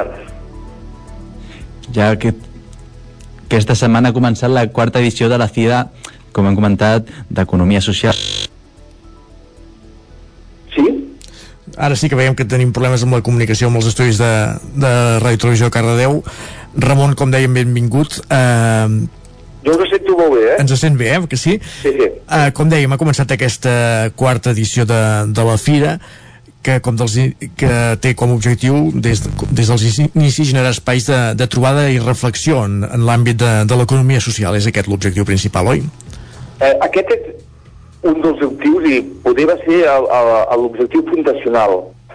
Uh, la qüestió és que l'economia social eh, i també els moments de cooperació ha anat caminant, ha anat constituint-se amb experiències i en aquest moment més enllà d'un àmbit de conscienciació i podríem dir d'educació, és un àmbit ja també d'intercanvi i d'experiències. Eh? Per tant, estem entrant ja en una fase una mica diferent. Qui, eh, quines són les principals novetats de, de l'edició d'aquest any? Mm, bueno, d'una banda, jo crec que hi ha una situació eh, post-Covid en el sentit de que la situació de la pandèmia ha portat a, a una valoració més gran de la ciutadania d'aquelles experiències que se centren amb el, amb el consum o amb la producció de proximitat, allò que se'n diu el quilòmetre zero, i per tant hi ha un interès creixent amb experiències de, de, de, de productors arrelats en el territori i que estan apostant d'una manera clara per l'agroecologia, i d'altra banda, o molt relacionada amb aquest tema, l'experiència de consumidors que es constitueixen amb, amb cooperatives, amb nous valors, de valors doncs, de pràctica democràtica amb la presa de decisions, eh, una nova relació amb el producte, amb el productor, tot això s'ha accelerat i, i hi ha un interès creixent. La fira doncs se centra d'una banda a, a donar protagonisme a aquestes experiències uh -huh. d'una banda, i d'altra banda la Fira també reflexiona sobre àmbits, eh, sobre qüestions molt actuals, no? com és el tema de la relació entre alimentació i clima, i, i clima, i la crisi climàtica. Eh, aquest seria un, sí. un element central de la vida d'aquest any. Justament ahir va començar amb, aquesta, amb la taula rodona amb el tema principal no, de l'emergència als nostres plats eh, amb el sí. canvi climàtic des de la nostra alimentació. Quins temes, a part d'aquest, com es van tractar, quines propostes, eh, objectius poden, bueno, van sorgir sí, bé, per bé, passar no, a l'acció? El, el que van sorgir van ser tot un seguit de...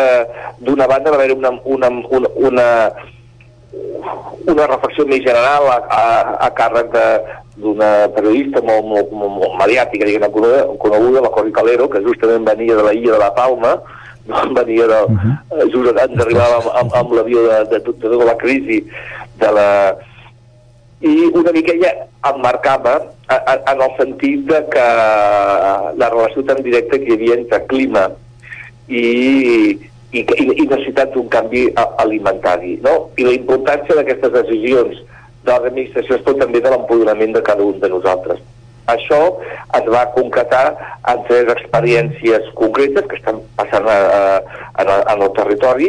Un és l'experiència de ramats de foc, que és una experiència que eh, relaciona pagesos, ramaders, amb carnissers i amb consumidors, i per tant el que fa és mantenir els boscos nets a partir d'un seguit de, de ramats, una experiència que ja porta uns anys en marxa, sobretot en les comarques gironines i que està ara a punt d'entrar eh, a, a, altres comarques, en aquest cas comarques de, de Solorines. En el nostre cas, doncs, aquí del Montseny és una problemàtica que que la tenim, tot el tema, malauradament, eh, com no som els únics, de, de, de boscos, diguem que estan amb molta densitat.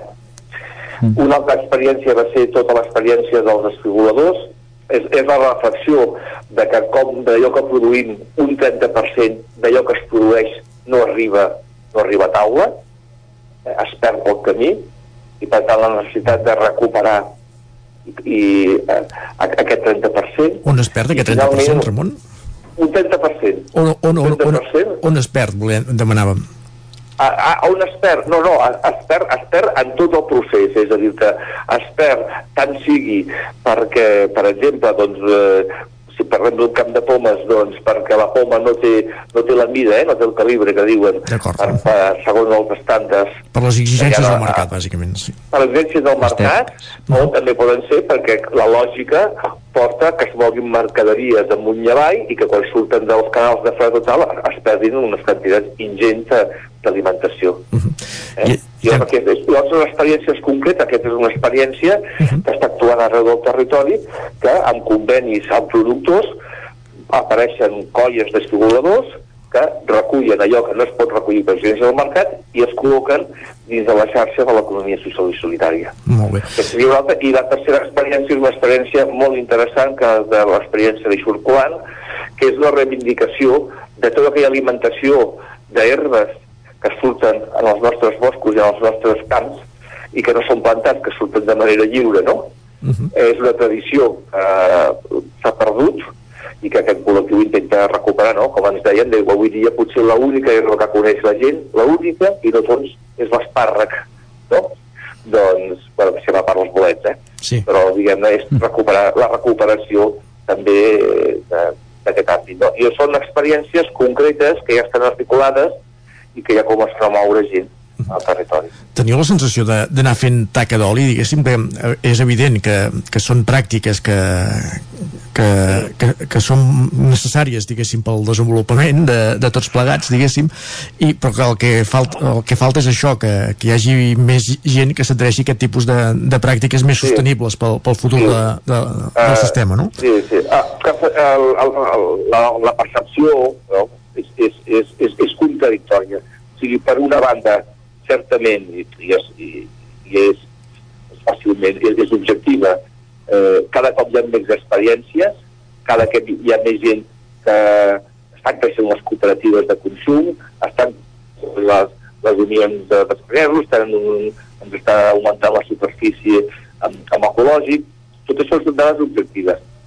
Ara, no és menys cert de que la situació que estem és una situació molt complicada i que hem tingut una oportunitat molt gran amb el Covid, potser és una de les poques lectures positives, de dir és el moment de donar un major protagonisme al consum curt, és a dir, que la distància entre el consumidor i el productor sigui mínima, eh, centrar a les persones al centre de l'economia, eh, centrar eh, el consum un consum eh, que posi la salut per davant de tot i tenir una sensació que, que sembla ser que s'està posant l'accent en un retorn a la normalitat i no m'ha pres la lliçó de la crisi del sistema que també ha significat el, la crisi del Covid, no?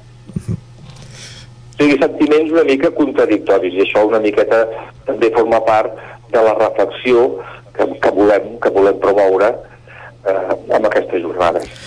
Precisament d'això en parleu amb una taula rodona d'avui, rodona d'avui, no? de com la, la, sí. la pandèmia ens ha avisat a tots plegats i no sé, pel que dius no, no hem acabat d'entendre la lliçó, oi?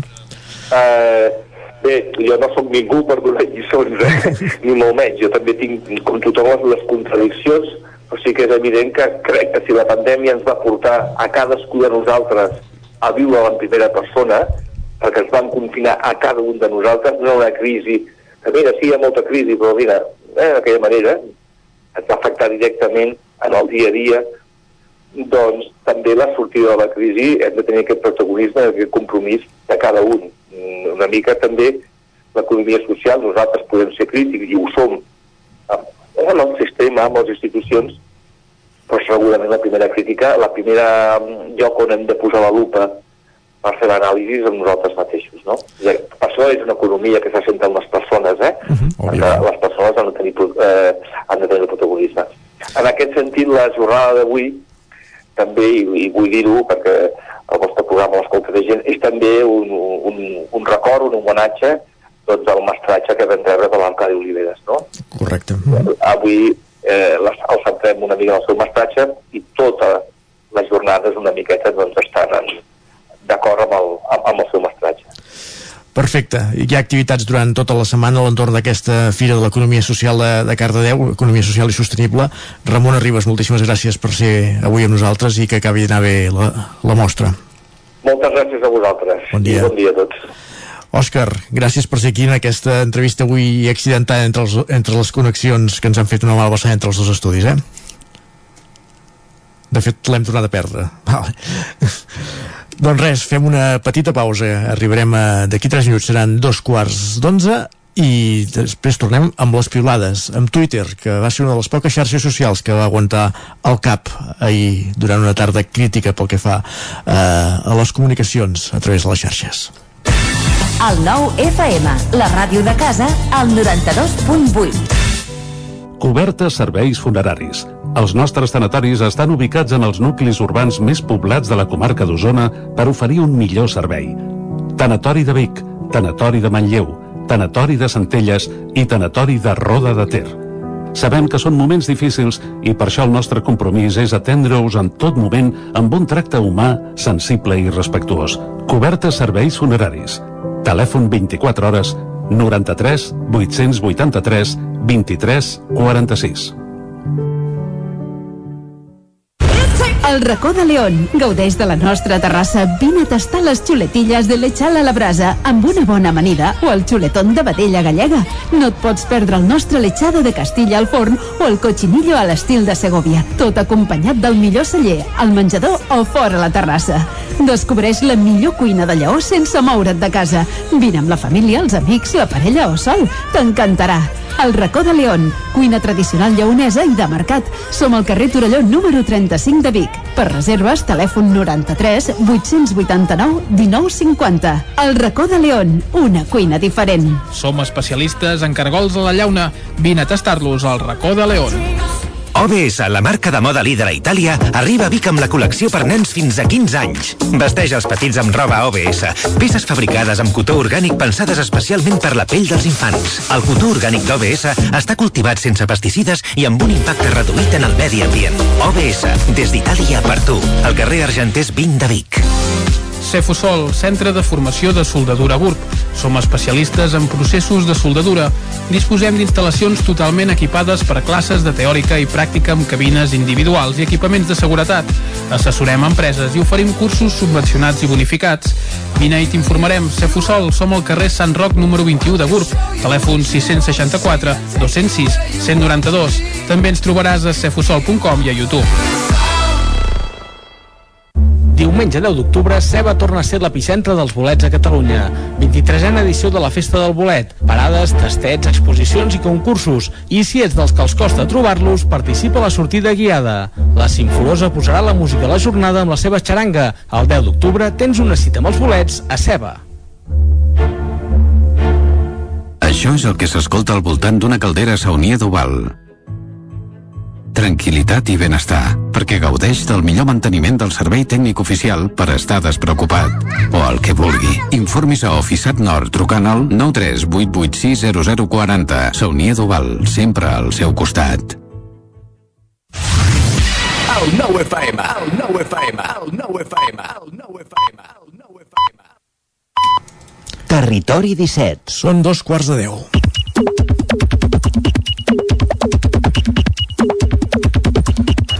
A les Illes Canàries. Sí, exacte. Diria que Territori 17 són dos quarts d'onze perquè tenim en Guillem Sánchez aquí.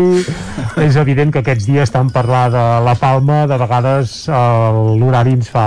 ens juga una mala passada. I avui en tornarem a, a parlar durant la secció també. De què parla avui Twitter? De què parla avui Twitter? Doncs que és la millor xarxa social de, del món, no? Perquè deu parlar, dels, altres, de... parlar dels altres, no? Deu parlar de les altres xarxes avui. Aviam, va, Guillem, De fet, sí, ahir, Arrenca. ahir a la tarda de vespre es deixava demostrat que Twitter era l'únic lloc per on informar-se per la caiguda d'Instagram, Facebook i WhatsApp. De fet, a mi això m'agrada molt, el fet d'entrar en una altra xarxa social per veure si les altres funcionen correctament o si, o si estan parades. Això és, això és curiós. El mateix Twitter, eh, em sembla que eren a Jo, quarts de jo, vuit. jo he d'admetre que sóc de la prehistòria, ho vaig saber per, per una alerta d'un mitjà de comunicació digital, per tant no em va arribar perquè no vaig buscar per cap xarxa. Deu ser dels pocs, Isaac, doncs deu ser dels pocs. Twitter a quarts de vuit ja, ja feia el seu, el seu tuit també dient hello literally everyone, hola literalment a tot el món, per tant fent-se ressò de- d'aquesta caiguda. I de fet la, la part graciosa és que el mateix eh, compte de, de Twitter, de WhatsApp i d'Instagram van respondre amb aquest missatge. WhatsApp va contestar amb un hello, dient hola directament, i Instagram amb un Hi and Happy Monday, és a dir, hola i feliç dilluns. Per tant, reconeixent que no estaven en el seu millor moment, però que tothom tingués un, un bon dilluns tot i la caiguda del, del seu servei. Què vol dir això? Que molts usuaris també es van fer ressò dels problemes de comunicació d'aquestes diferents aplicacions. Per exemple, la Ivet deia quin regal formar part de la comissió d'extraescolars i que caigui al WhatsApp just la primera setmana que s'engeguen. Que duri, sisplau, que duri, demanava. A vegades això de, de, de quadrar horari, suposo que molta gent potser es va descuidar d'alguna cita, d'anar a algun lloc o de parlar amb algú, però seguim vius i seguim en feina, per tant, tampoc era... devia ser massa, massa important. Hi ha tragèdies pitjors, Sí. segur. Uh, en Xevi també uh, afegia ha patat WhatsApp i Instagram, ara parlàvem amb els meus fills i són força simpàtics suposo que molta gent també va recuperar el costum de trucar per telèfon, que és una de les coses que a vegades amb els telèfons aquests nous s'ha perdut el fet que també es pot trucar a la gent i es pot parlar amb la gent per, per tal de definir coses, cites o el que, o el que I sigui també es pot quedar presencialment. també, eh? també és una opció, també és una Ara, opció Jordi. ara que la Covid sembla que mica mica va amainant, podem quedar presencialment amb, i carnalment amb, amb el personal. Sí. Uh, tot i això, al final el servei es va acabar recuperant a la, a la nit, si no tinc mal, mal entès. L'Albert, en aquest sentit, deia sempre fa una mica de pena quan al final no és un apocalipsi i tot torna a la normalitat. I la nostra companya, la Txell Vilamala, també deia ni Puigdemont ni la caiguda de les xarxes de l'imperi Zuckerberg. La notícia del dia no hauria de ser el possible retorn del canto del loco. Això ho podríem... Jo aquí podríem obrir un debat que, bé, sobre, De fet, val més, que, sobre no- val més que no música... llegeixis la resposta que té aquest tuit, em sembla. Ah. Isaac, ja pots, ja pots afegir... Bueno, sí, sí que l'he llegida, perdó, sí que l'he llegida. sí que l'he llegida. Ara, ara l'has de dir, eh? Ara ja no podem deixar el personal a mitges. Isaac, Isaac, Isaac, resta- resposta no, tuit. no, no la tinc a mà. Ara pla. Però la puc buscar ràpid, eh? Però sí, en fi. Busquem ràpid i de mentre ens fem ressò d'algun altre tema, Jordi. Per exemple, ah. algú ahir no, no li va agradar tampoc el partit del, del Girona ni en concret el d'un jugador. El usuari Correu de Tabertet, que no sabia que existia, deia Hola Girona, suposo que aquest en Bernardo el regalareu al Tordera o al Blanes, si el volen, o si no al Tabertet, que farien falta jugadors de qualitat. Seria notícia que el Taber- Tabertet Sí. també fes un equip de... Home, el Tabertet per no tenir no tenir camp de futbol però vaja, sempre poden anar a jugar a l'Esquirol que allà sí que n'hi ha, eh? però Tabertet de moment, que sapiguem eh, no té equip, ara si li cedeixen en Bernardo poder, poder muntar un Seria un gran, un gran inici també uh, com deien, també ens havíem de fer ressò res de la situació de, a l'illa de, la, de la Palma que encara continua tinc, eh, sent d'allò- el tuit. d'allò complicat Va, un parèntesi i rematem el tuit, canto- va, canto del loco Jordi Remolins, en absolut, Txell, la música pèssima i superpromocionada no es mereixeria ni una línia.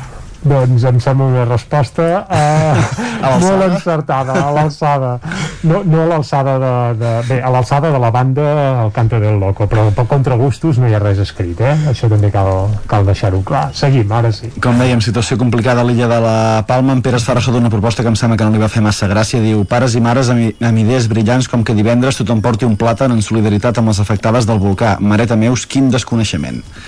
Segur que hi ha maneres més... Eh, efectives potser d'ajudar o de donar suport que portar un plàtan a l'escola amb els... sí. i segurament encara només faltaria que el portin de Costa Rica més aquest plàtan sí, sí. que en tenen corren molts Bé, Va, i ja que ahir no vam tenir capítol de crims, ens toca igualment fer la nostra ració de sèrie de morts i de destrucció. Aquests darrers dies ha començat a agafar volada aquesta sèrie de Netflix que es diu El Juego del Calamar, que jo hi he de reconèixer, em vaig mirar ja el primer com, capítol. com es Què diu tal? això? Com es diu? El Juego del Calamar. Ah, val, no, no sabia ni que existia, ja ho sabem Doncs hi ha una sèrie sud-coreana que ara ho està, ho, ho està patant, per dir-ho finament. Uh, L'usuari EGCAT diu Ostres, ma filla i jo plorant com dues idiotes amb això del calamar, mentre que en Sergi li respon Només he vist dos episodis, he de confessar que al principi gairebé la trec, però em vaig sentir tan identifi- identificat amb la vida del protagonista que vaig donar-li una oportunitat. Sembla que, pel que veig, vaig bé. Jo recomano que si teniu temps, si teniu una hora del vostre temps per posar Netflix i veure-la, comenceu perquè em sembla que són 9, 9 capítols, per tant, amb 9 hores està tot, tot vist i fet. 9 hores per un pare de família són moltes, eh? T'ho ben asseguro, eh? Però vaja, ens ho apuntem. Perfecte, doncs recomanació feta. Va, gràcies. Gràcies. Te l'has apuntat, eh, Isaac? Oh, i tant, el tinc a la llista. Perfecte. Anem a repassar digitals. Per, per llistes que no quedi. Comencem uh, fent un cop d'ull al 99.cat del Vallès Oriental cobra amb una conductora ferida crítica en una topada a la C-17 a Parets. Aquesta topada ha tingut lloc aquesta matinada, per tant és recent. I també Caldes de Montbui homenatge a les víctimes de l'Holocaust de l'Holocaust amb la inauguració de la plaça Neus Català. També apareix a la portada que pagesos de Santa Eulàlia de Ronçana reclamen mesures per reduir a la presència de senglars. Al Vallès en corren molts. Anem cap a Osona i al Ripollès, on també hi ha molts senglars, però no apareixen a la portada del 99.cat. A la portada el que hi apareix és una entrevista on diu s'haurà d'establir un altre tipus de relació entre el capellà i els fidels. Aquesta entrevista és a Josep Casals, que ha deixat el càrrec de rector de Prats de Lluçanès després de 26 anys, que, que aviat és dit. Uh, és de Rupit, eh, per cert, uh, mossèn Casals. D'acord abans com que havíem anat a Tavertet ja citem l'origen.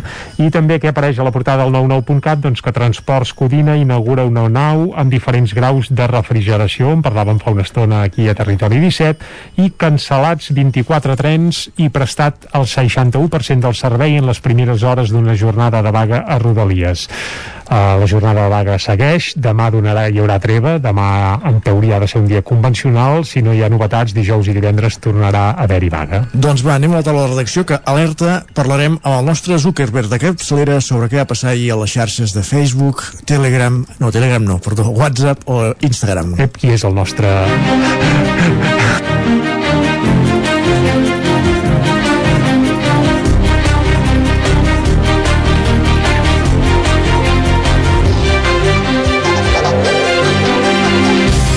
Doncs avui a la taula de redacció, com dèiem, parlem de, de la crisi de les xarxes ahir, també parlarem del Pla de Vic amb en Víctor Palomar, però abans saludem el nostre home a les xarxes de capçalera, Arnau Jolmira, bon dia. Hola, bon dia. Com estem? Eh, bé. Eh, Res. Intensa, en aquest sentit. Una nit intensa. Res, volíem avui parlar també a la taula de redacció, posar-nos, fer-nos ressò d'aquesta caiguda de les xarxes que hi va semblar que paralitzava el món durant 6 hores, des de quarts a 6 de la tarda fins a pràcticament la mitjanit. Eh, hi ha hagut diverses notícies sobre què pot haver passat. No hi ha una font oficial però sí que, bueno, si, si, si més no segurament que ens pots explicar per on van les especulacions amb, i alguna anècdota a l'entorn d'aquesta crisi que va patir l'empresa Facebook. Matriu de totes aquestes xarxes.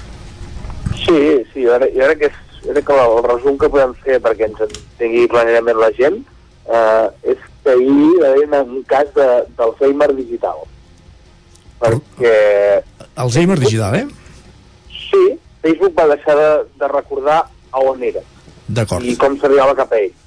No? I per tant hi havia aquesta, aquesta mena d'Alzheimer que els servidors eren incapaços de trobar, eh, no, perdó, els, els dispositius mòbils eren incapaços de trobar els servidors de, de Facebook, no? Eh, Això només es fa amb els, amb els DNS i, i associat a ells hi ha una cosa que en diem eh, taules BGP, jo, sincerament, fins ahir no sabia massa què, què eren, els DNS sí, però les taules BGP no, però és, és evident que un, un món tan gros com el de Facebook té molts servidors repartits per tot el món, per tant, entre ells hi ha unes comunicacions molt fluides, totes estan en els seus codis IP, no?, que són, o sigui, quan, quan nosaltres escrivim facebook.com, això automàticament es converteix en uns números que ens porten fins a, a, exactament al servidor, no?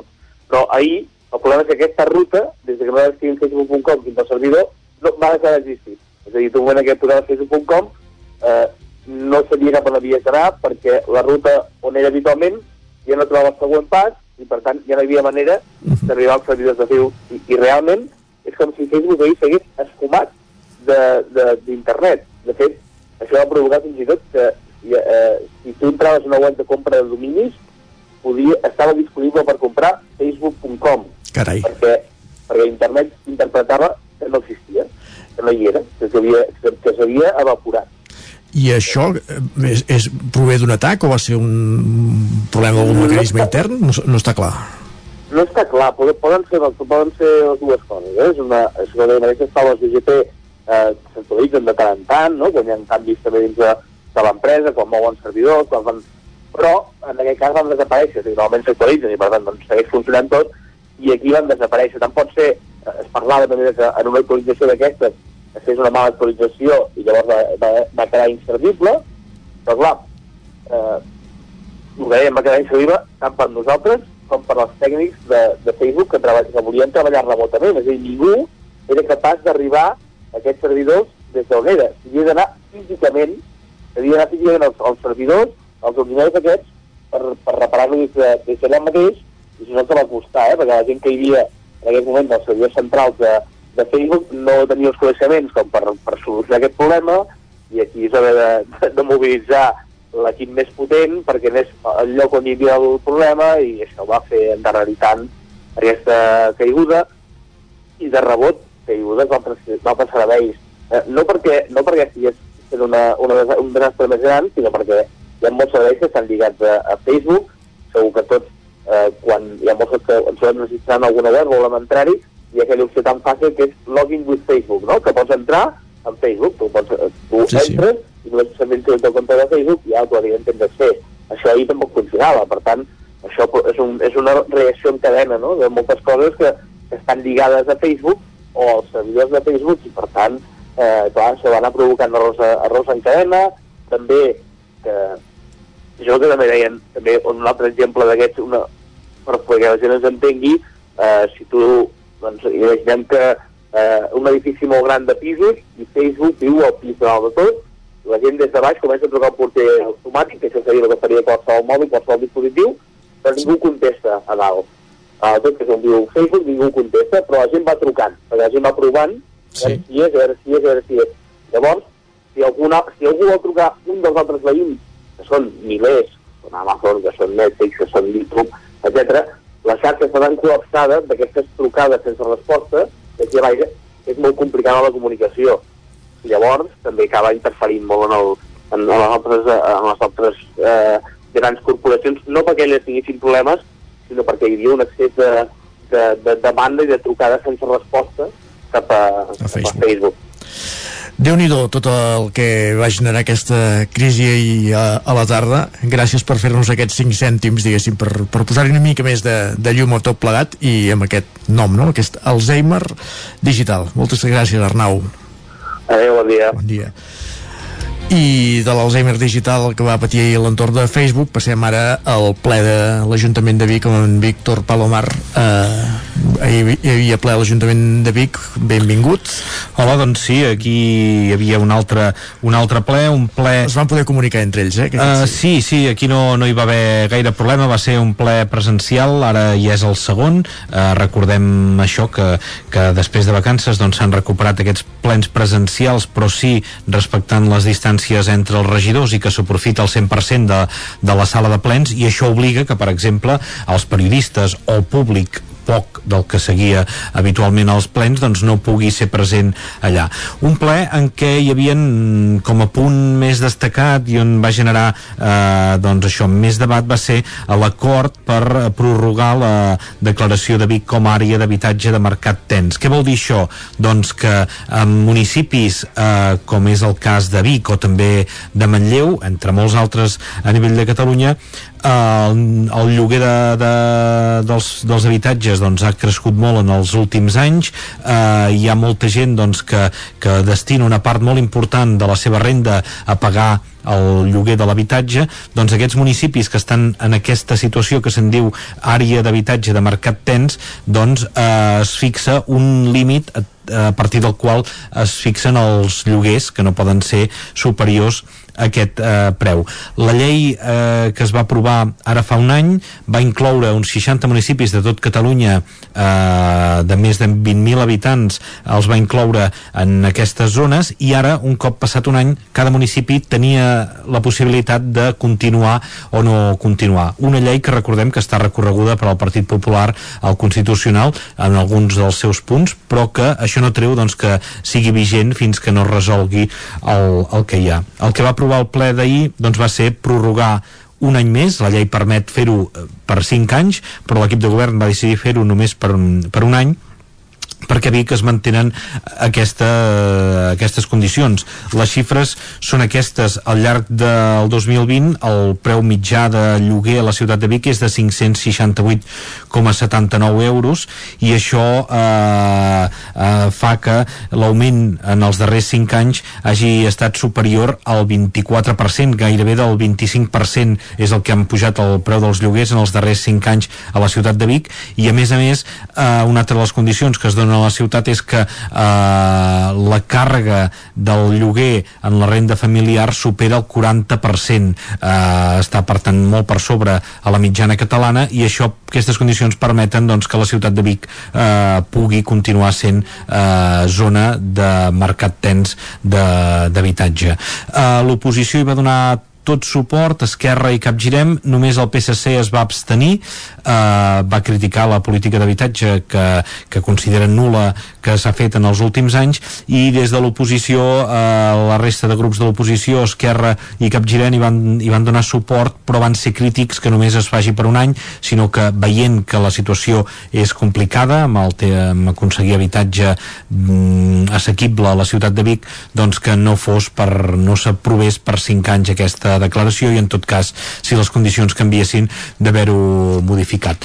També en el torn de pregs i preguntes Esquerra eh, va demanar a l'equip de govern si ha previst eh, polítiques, eh, mesures de xoc perquè a, a finals d'aquest mes eh, s'acabarà aquest, eh, aquesta pròrroga en què no es podien fer llançaments, en què no es podien fer desnonaments mm, s'ha mantingut per culpa de la pandèmia doncs es va aplicar aquesta mesura doncs que, que no hi haguessin aquests, eh, aquests desnonaments mentre hi hagués vigent aquesta pròrroga. S'acaba aquest mes d'octubre i des d'Esquerra es va demanar a l'equip de govern si hi han mesures previstes per, perquè arribaran eh, definien bé una tardor calenta en el tema dels desnonaments i aviam si hi havia mesures. Des de l'equip de govern doncs van dir això que no sabien ben bé si si es podria prorrogar aquest, eh, aquesta mm, situació en què no es poguessin fer els desnonaments però que hi havia doncs, eh, tots els serveis de, de l'Ajuntament treballant i que s'havia mediat en molts casos i que s'estaven fent informes de vulnerabilitat perquè no es fessin efectius eh, els casos en què, en què tenen dret els, els llogaters o els propietaris que es veuen afectats doncs, per aquests, aquestes amenaces judicials de desnonaments. Era un ple on també hi van haver doncs, aprovacions inicials del pla de mobilitat, el pla d'accessibilitat, eh, en fi, mm, molts altres acords, però segurament el tema aquest de l'habitatge és el que va marcar el ple. Perfecte. Doncs moltes gràcies, Víctor, per fer-nos aquest resum i fins la propera. Vinga, fins ara. Acabem aquí la taula de redacció. Tot seguit parlem de meteorologia amb en Manel Dots.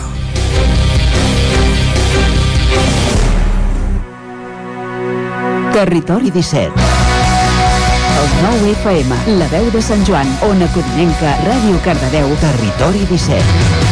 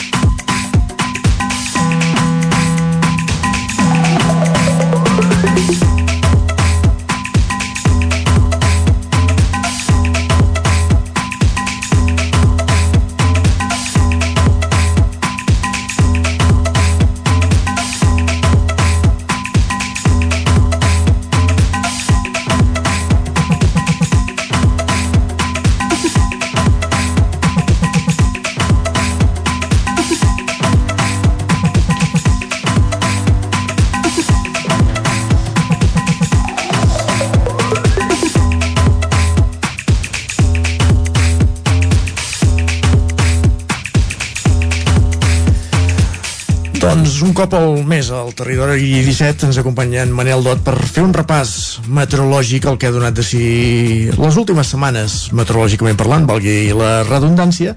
Ma Manel Dot, bon dia, benvingut. Hola, bon dia. Ha continuat bastant la tendència de, de, de ser un any bastant eixut, tot i que aquesta pluja de diumenge i algun front que, que veiem a venir més endavant, però com, a, a trets generals, com, com ha anat aquest setembre? Bueno, aquest setembre eh, crec que hem trencat una mica el mollo perquè almenys ha plogut una mica i bastant general eh, el que és a la comarca, tant aquí com al Ripollès no tant el que és a la banda sud el que és a la banda de la Conxospina però tot i així ha regat bastant eh? de totes maneres eh, el declararíem aquest setembre doncs el podem qualificar de, de càlid i molt plujós depèn del punt eh, molt plujós per exemple doncs el que és de, del cantó des del Pens eh, fins a arribar eh, Sant Pau de Segúries, eh, Camprodon, o sigui, ha agafat sobretot el que és la banda nord, nord i oest de, de la comarca d'Osona i també la banda sud del Ripollès. A la banda nord no ha fet tant. Però podem destacar, per exemple, eh, si fem una repassada de, les pluges generals que hem tingut, de, les pluges que hem tingut aquest mes de setembre, eh, destaquem doncs, els 156,2 de l'Alpens, a Olost, el Lluçanès, també de amb 157 i mig, eh, ja sabem on hem d'anar a buscar bolets. D'acord, què t'he dit? eh, és fàcil de saber això. Sí, no, ens ho apuntem Vinga, eh, què més? El que és, per exemple eh, el banc del Ripollès doncs, destacar, per exemple, el Sapau de Segurís amb 165,2 litres. Estem parlant del mes de setembre, que déu nhi però també déu nhi el que és a Vic, a Vic amb 91 litres eh, Vidrà 95,2 Torelló 76,8 Can Llatina 103,2 eh, pots veure doncs, que les pluges han estat doncs, eh, molt generoses aquest setembre. Eh, Sola 71 eh, el, el Conxo Espina 73, 73 justos i eh, destacaríem doncs, les, el punt cap, cap a menys eh, pels vols del Montseny i a la banda sud, el cantó de Centelles, Hostalets de Balanyà aquí per exemple Hostalets en 45,2 litres eh, Espinelva 63 aquí una mica més eh, el que és a, a Centelles eh, 52 per exemple el que és l'IES el, el, el, institut en fi mm, la zona, la zona sud segueix patint seguim en general a tot arreu ha sequera, no? vull dir sequera, refereixo que no, no hem arribat a encara el que toca climàticament eh? de totes maneres plou, però plou bé és a dir, a vegades tenim la sensació que, que fa un patac d'aigua un dia eh, cauen, no sé si tots 70 litres que has dit en algun lloc, o, però bona part d'aquests, i llavors ja triga, no?, tornar a ploure, o, o, o la pluja està més repartida del que a vegades pot, la percepció que podem tenir. No, no, a veure, en aquests mesos, sobretot el que és agost, setembre no tant, però sobretot el que és l'agost sí que sol caure més en plan patac, juliol i agost, però aquest mes de setembre, déu nhi també, eh? perquè, per exemple, el que és a Vic, eh, crec que va ser el dia 10 van caure 56 litres, hem dit que en havien caigut 91 pots comptar que allò que dius tu ara no? la, més de la meitat. la meitat han caigut en, no en un dia sinó pràcticament en una hora i pico van caure, van caure basant més perquè va ser un patac d'aquests forts i eh, bueno, en fi, eh, sí que ha set aquests patacs, o sigui, ha plogut eh, generalment la quantitat d'aigua doncs ha caigut molt, molt així amb una tempesta d'un dia, no? almenys en, en hores, vaja i això clar és allò que llavors tampoc, tampoc ajuda ben bé l'agricultura perquè no, no, és, no és prou repartida com voldrien els pagesos no és... No, més aviat destrueix no passa clar. exacte sí. va bé pels rius i va bé pel, pels pantans que passa que el pantan està un 50% de la seva capacitat, va pujat una mica. Això són, es deu altres factors eh, ah, t'ho anava a dir, aquí no és el factor meteorològic, perquè també hi entra algun altre factor. Eh, però a veure, del mes de setembre doncs, no ens podem queixar, tot i que ha caigut en punts així en plan, en plan bèstia però almenys si mirem el cupo general doncs eh, hem passat de la, de la, o sigui, del que tenim climàticament el, en el mes de setembre mm. eh, destacar també el que és el setembre però els primers dies, els primers, els primers dies sobretot la tempesta que va caure el dia 6 a la banda del Lluçanès el que estàvem parlant ara però aquí amb una, una senyora pedregada que entre el sud, el centre entre el Berguedà i el, i el, i el que és per exemple Prats del Lluçanès entre Gironella i Prats del Lluçanès en algun punt hi van caure més, més ossos, bueno, com ous de gallina pràcticament i la resta també eh, pedregada que va aixafar molta, molta cosa i també tempesta que va caure un poca estona eh, molta aigua i sobretot el més mal va fer això, la pedra uh -huh. això quin dia va ser? Això va ser el dia 6. El dia 6 de setembre. Sí, sí, el dia Sem 6. Sempre a l'entorn d'aquests dies de setembre, els últims anys, ens estem acostumats a, a alguna animalada d'aquestes meteorològica. Quan no és pedra és algun bufarut o alguna cosa. Home, ja, eh, ja, ja comença, esclar, entra el contrast ja de, de temperatures, o sigui, el matí eh, o sigui, les temperatures encara són altes, els màxims encara són altes, eh, les mínimes ja comencen a refrescar i llavors el que ja és, eh, és el moviment meteorològic, no? Comencen entrar, o sigui, entrades d'aire fred, eh, el terra encara és calent, de, de que tenim temperatures altes, aquestes màximes, per exemple, vam arribar aquesta, aquest mes, vam arribar a passar als 32 graus, entre els 30 i els 33 graus vam tenir, i és clar, això si t'entra una mica d'aire fred el que fa és eh, o sigui, aixeca, col·labora a que els núvols creixin molt més els, els alimenta i es poden donar doncs, aquesta, aquests i aquestes tempestes pedregades no és tan fàcil el mes de setembre és més difícil, però bueno, aquest, aquest any ens ho va fer Uh -huh. uh, venim d'un any eixut, hídricament parlant, uh, això ha de canviar? La tendència aquest final d'any ha de ser diferent? Que... Això és difícil. Això ja us ho dic cada mes. A veure, eh, la tendència aquest, aquest mes diuen eh, que serà doncs, càlid i poc plujós. De moment hem començat bé, de pluja hi ha punts que ja passen dels 40 litres. Eh, càlid, eh, ja el setembre ha estat càlid, eh, o sigui, el mes de- d'agost dèiem que havia estat un mes sec i càlid, aquest, aquest mes ha estat plujós però càlid també i hem tingut per sobre un grau i mig, dos, per sobre de la, de la categoria de la climàtica, de la mitjana. Uh -huh. uh, llavors, els pròxims dies, el, el que pot venir, doncs, uh, en principi, el mes de- d'octubre, uh, diuen que serà això, que serà, diuen que serà càlid i, i, i sec, o sigui, càlid, que càlid i sec. Uh, de moment, el que es veu aquests pròxims dies, doncs eh, ben bé fins al 17 et puc passar-te doncs, que bueno, hi ha alguns ruixats entre mig. Aquest, aquesta setmana per exemple demà podria escapar-se alguna gota. Eh, també el diumenge hi ha algun ruixat i eh, les temperatures doncs, es mantindran fresques. Aquest matí mateix eh, bueno, eh, he vingut amb jersei no són pas dels fredelucs eh, però mínimes avui de 4, 4 graus per exemple a dalt a Viladrau o 7, 8 a baix a la plana és el que hem tingut. Vull dir que és, això és normal, estem a tardor. Eh, es mantindran, o sigui, les màximes tendència a pujar a 20, 22, 23 graus que ens vam quedar 15 graus, 15, 16 graus. Eh, la tendència aquests dies és a pujar el que són les màximes es mantindran entre els 20, 22 graus i a les mínimes eh, faran, farà una mica de, de, de, sigui, de, de muntanya russa, no? de pujades i baixades, però es mantindran fresques al matí, que és el que toca en aquest temps. Per pluges, eh, a, mig, a mig mes també es veuen, hi ha un 15-16, els dies 15 i 16 també es veu algun ruixat, però no es veu massa massa aigua. De moment sembla que es manté bastant sec aquest, aquest octubre, octubre. Això pels bolets no serà gaire bo. S'acabarà ràpid la temporada o què? Eh, esperem que no, que encara no hi he anat.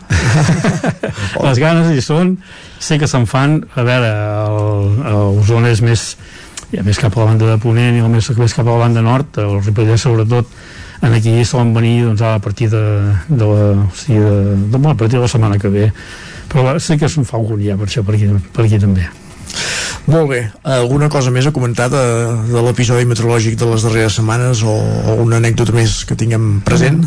Doncs eh, n'hi ha moltes, però a veure, bueno, deixa'm, deixa'm destacar una cosa que no té res a veure ara, bueno, sí que té a veure amb el temps, i és que es va celebrar, o sigui, es, recordo fa dies, vaig, vaig avisar, bueno, vaig avisar, vaig, vaig dir que es feia el centenari de commemoració del centenari del, del Servei de Meteorologia de Catalunya sí. eh, es va inaugurar una exposició en la que hi han col·laborat tots els observadors eh, de la XOM, de, de la xarxa de, de, sí, de, de meteorologia del servei i per exemple doncs, hi ha una exposició muntada en el Palau Robert de Barcelona eh, al Passeig de Gràcia 107 eh, dedicada a aquest centenari vull dir que si algú vol anar-hi doncs encara estarà obert bastants dies Doncs ens apuntem la, la cita al Palau Robert de Barcelona, aquesta exposició sobre el centenari de, del, del Servei Meteorològic de, de Catalunya.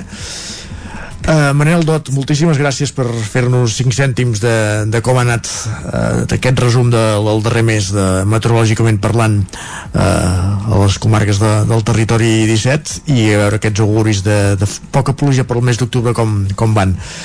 Continuem parlant d'aquí quatre setmanetes.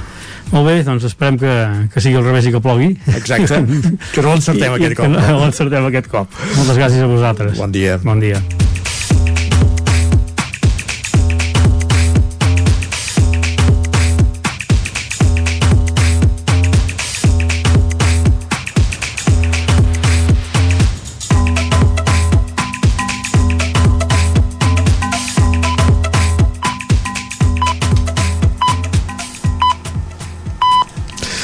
Són les 11. Territori 17, amb Isaac Moreno i Jordi Sunyer.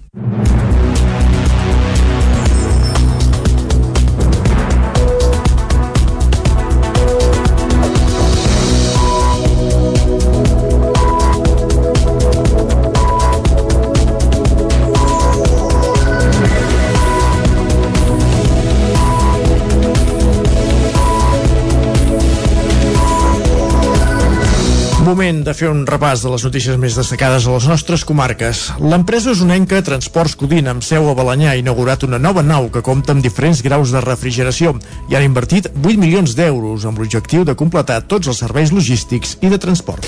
Emmagatzematge en fred i congelat per a clients del sector alimentari és el que ofereix la nova nau de 2.500 metres quadrats que l'empresa usonenca de distribució i logística Transports Codina ha inaugurat al costat de les instal·lacions que ja tenia a l'antiga Nacional 150 152 en terme de Balanyà. L'empresa ja ha invertit 8 milions d'euros. Els dos molls de càrrega donen accés a una gran zona refrigerada a 4 graus, des d'on es distribueix el producte a dos espais més, una cambra de congelació a 20 graus sota zero i tres túnels d'ultracongelació ràpida a 40 graus sota zero amb una capacitat per 30.000 quilos al dia. Sílvia Codina és administradora de Transports Codina. És una necessitat que hem detectat entre els clients que la necessitat de trobar un operador logístic que els pogués oferir diverses temperatures, tant amb el que és emmagatzematge del seu producte com amb el transport. I ara creiem que tenim molt bona oferta per cobrir totes aquestes necessitats. La nova nau que es va inaugurar divendres és la primera fase d'un projecte més ampli. Aquestes noves instal·lacions estan pensades pel sector agroalimentari, principalment el de la carn, però també estan fetes amb l'objectiu de diversificar l'activitat. Lluís Codina és també administrador de Transports Codina. Si ho posem només amb el sector càrnic, té fluctuacions massa grans i llavors ja en tenim d'altres tipus inclús a nivell europeu ens agradaria ser un petit hub en tot cas que ens portin mercaderia perquè poguéssim redistribuir a nivell eh, d'Espanya perquè tenim tant els mitjans de logístic com de distribució nacional. L'empresa usonenca amb els cosins Sílvia i Lluís Codina al capdavant és una companyia familiar amb més de 50 anys d'experiència. Factura anualment uns 10 milions d'euros i dona feina a 70 persones. Amb l'ampliació preveuen augmentar la plantilla amb una desena de treballadors més. Per commemorar l'1 d'octubre a Sant Julià de Vilatorta es va descobrir divendres la placa que rebateja l'antiga plaça Marquès de la Quadra i va participar l'exconseller d'Interior Joaquim Forn que va parlar del seu pas per la presó. Doncs la visita de Forn a Sant Julià no va ser divendres sinó el passat dissabte i Forn va ser el protagonista de l'acte que es va fer per commemorar el quart aniversari del referèndum de l'1 d'octubre, en aquest cas a Sant Julià de Vilatorta. Acompanyat de l'alcalde Joan Carles Rodríguez, Forn va descobrir la placa que rebateja com a 1 d'octubre l'antiga l'antiga plaça Marquès de la Quadra, situada just davant de l'Ajuntament, que la data del referèndum doni nom a aquest indret del municipi respon a una petició popular. Ho explica Joan Carles Rodríguez, que és l'alcalde de Sant Julià eh, celebrar eh, aquest nou nom de la plaça, però a més a més fer-ho no només amb la gent que ens ha acompanyat i que van, van viure tots plegats aquell 1 d'octubre a Sant Julià, sinó amb algú que va estar al capdavant del govern de la Generalitat, doncs a nosaltres ens omple, ens omple d'orgull, estem molt contents i, i res, que aquesta plaça serveixi pels propers anys per eh, recordar a tothom que a Sant Julià de Vilatorta es va votar com es va votar la resta de poblacions del país en un referèndum que malauradament doncs, va ser boicotejat de manera violenta per, pel regne d'Espanya no? per tant tinguem un compte en un escenari que es va improvisar a pocs metres de l'aula de cultura, el centre de votació del municipi durant el referèndum, Forn va fer una lectura positiva de tot el que va comportar l'1 d'octubre de 2017. L'escoltem jo sóc dels que fa el discurs positiu i crec que va ser una victòria i que no ens ho hem de deixar rebassar de cap de les maneres aquesta victòria que hem de continuar lluitant i que les coses s'aconsegueixen a força de persistir i això ho aconseguirem, no hi ha dubte perquè tenim un poble que està absolutament determinat i per tant estic segur eh, que aconseguirem eh, finalment complir el nostre somni. Precisament a l'aula de Cultura, Forn hi va oferir una xerrada on va parlar del seu pas per la presó i el llegat del referèndum.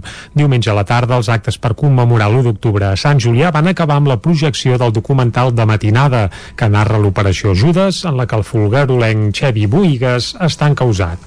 Llinars del Vallès reclama una passera sobre l'AP7 per als veïns de Sant Josep. El senador republicà Josep Maria Reniu ha recollit la històrica demanda per part de l'alcalde de Llinars, Martí Pujol.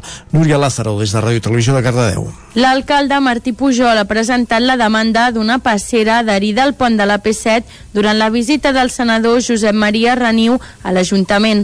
El veïnat de Sant Josep de Llinars del Vallès pateix la manca d'espai per a vianants a la carretera que creua l'autopista que uneix el barri amb el nucli del poble. Per l'alcalde Pujol, totes les millores que l'Ajuntament ha fet, així com les previsions al Pla General per millorar el passeig fluvial, queden estroncades al pont de l'autopista i això depèn de foment.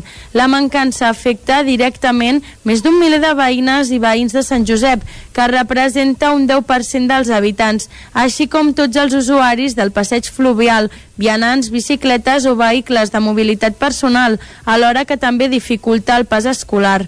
Reniu ha pres nota de diferents qüestions que depenen de l'administració de l'Estat i que formen part del paquet de preguntes que el grup d'Esquerra Republicana de Catalunya presenta habitualment a les Corts de Madrid. Una altra de les preocupacions de l'equip de govern Seng és l'inici de les obres del pas subterrani i de l'aparcament de l'estació de Rodalies R2.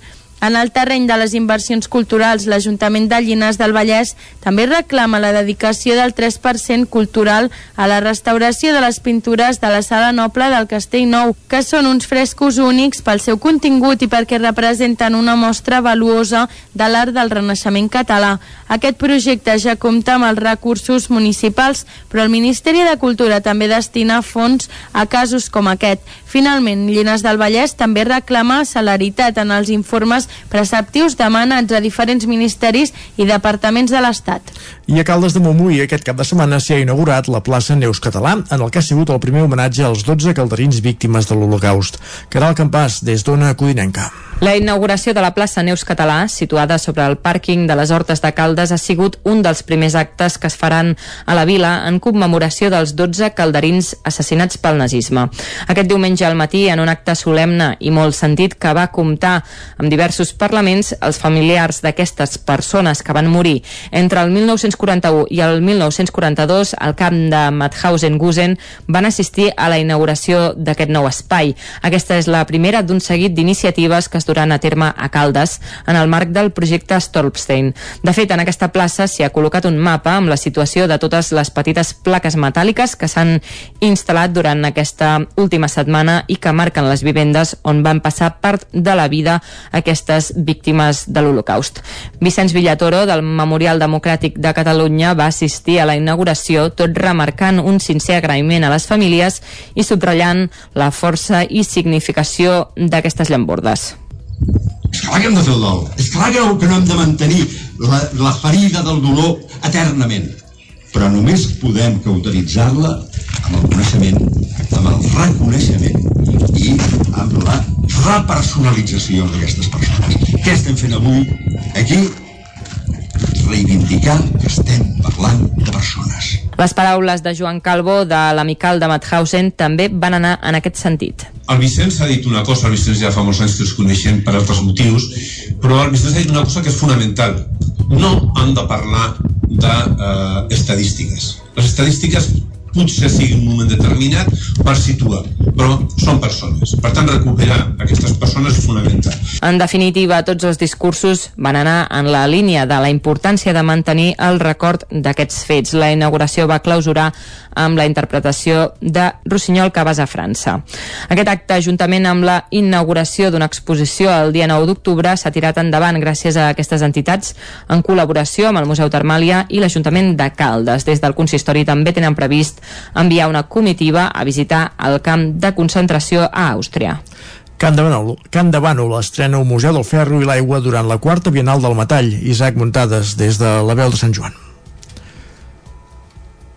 La quarta edició de la Bienal del Metall de Camp de Bànol va retornar amb força després que la pandèmia n'impedís la seva celebració l'any passat. En aquesta ocasió, l'acte central es va dur a terme dissabte al migdia a la plaça Vall de Mosa i va consistir en la inauguració del Centre Museogràfic Transfronterer Pirfer del Moligros, l'Aigua i el Ferro. La directora del projecte Pirfer, Estela Delgado, va detallar que la idea de desenvolupar el projecte va néixer l'any 2016 per fer valdre el patrimoni vinculat al ferro del municipi i el 2017 es va aprovar aquest projecte europeu que va ser subvencionat amb fins al 65% del FEDER, el Fons Europeu de Desenvolupament Regional. L'alcaldessa Dolors Costa va explicar què vol transmetre aquest museu. Ferro, aigua i foc. Els tres elements capdals que han estat presents al llarg de la història del nostre poble. Tres elements vitals que han interconnectat per arribar a la culminació d'un projecte ambiciós amb finançament europeu que servirà, entre altres coses, per conèixer els orígens del nostre poble i la relació amb aquests elements. Fins ara, la història del nostre poble havia quedat invisibilitzada. Sempre s'havia definit com el poble més industrial de la comarca, passant per alt la importància que representava i representa la nostra vinculació amb el ferro i l'aigua.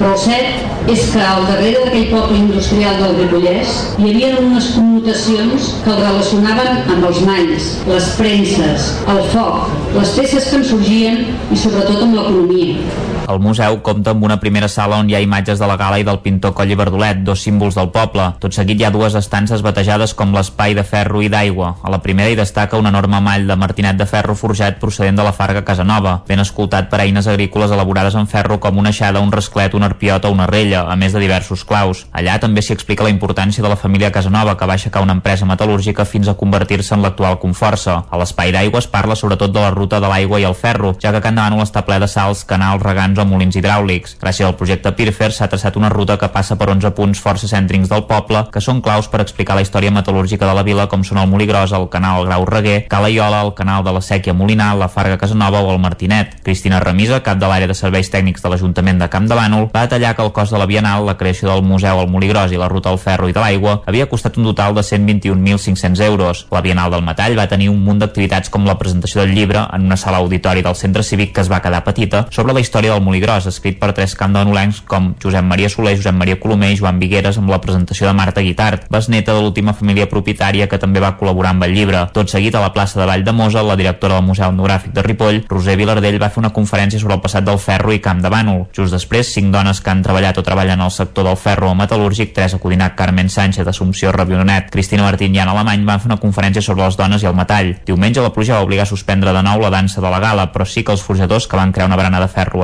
artística encapçalats per Eulogio Villalobos van poder instal·lar-la al centre Pirfer. Els tastets de porc i cervesa han substituït aquest cap de setmana la fira que Manlleu dedicava cada tardor a aquests dos productes. S'han fet actes d'aforament reduït en diferents espais de la ciutat a l'espera que l'any que ve es pugui recuperar la normalitat abans de la pandèmia. El manlleuenc Jonathan Plaza s'ha convertit en els últims anys en un influencer de les cerveses artesanes. El seu compte d'Instagram té 19.000 seguidors, que aviat és dit. Divendres al vespre conduïa un tast al Teatre del Casal de Gràcia. Era una de les activitats dels tastets de porc i cervesa, la fórmula amb la que s'ha adaptat al context de pandèmia, l'habitual fira que Manlleu dedica a aquests dos productes. Plaza va conduir una batllada en què es van tastar cerveses que apunten les noves tendències, les neipa amb gustos afruitats i molt llupolades. La cervesa artesana, assegura Plaza, és un sector que va a l'alça.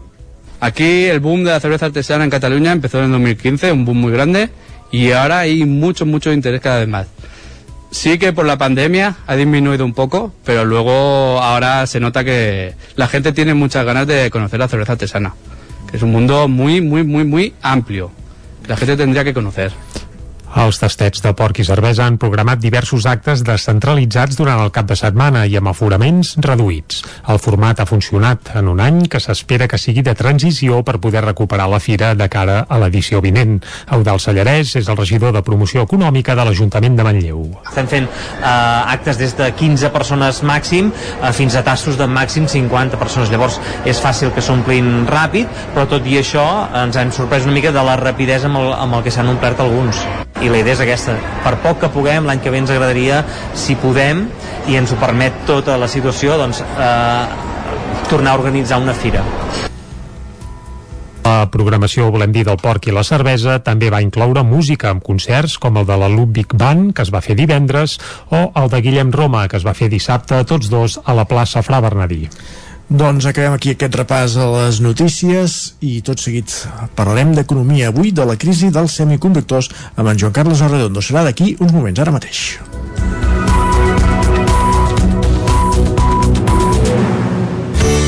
Territori 17. Envia'ns les teves notes de veu per WhatsApp al 646 079 023. 646 079 023. WhatsApp Territori 17.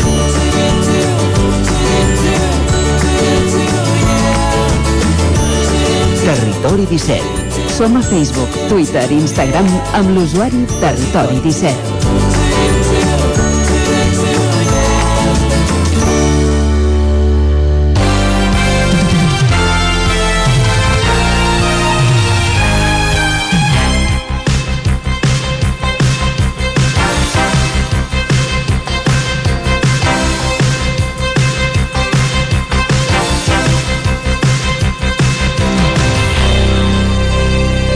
Joan Carles Arredondo, bon dia, doncs. Bon dia. Com estem? Aquí, mi mirant llistes Pandora. No t'hi he vist, eh, per cert? A la llista Pandora. Vull dir, no, no, no què fas, que vades? Vàdua, no? Perquè gairebé és tothom, no? Vols dir? Sí, ja, ja, van sortint noms i a veure si la setmana que ve podem, podem parlar una mica de tot això. Avui parlem, però, dels, de la crisi dels semiconductors, que farà que... De, de, diria que cada cop n'anirem parlant més. Ahir llegim algun titular a algun diari que parlava que, que patirem pel, pel Black Friday i per Nadal. Sí, em sembla, em sembla que els tions aquest any se'ls haurà d'alimentar més, eh? Perquè, perquè diguem-ne que facin la seva feina, perquè efectivament hi ha moltes dificultats de subministrament. Uh, No hi ha estocs de Black Friday, però bueno, el Black Friday hem vist com molts anys sense el Black Friday, Sí. de manera que suposo que un any més podrem, podrem suportar-ho.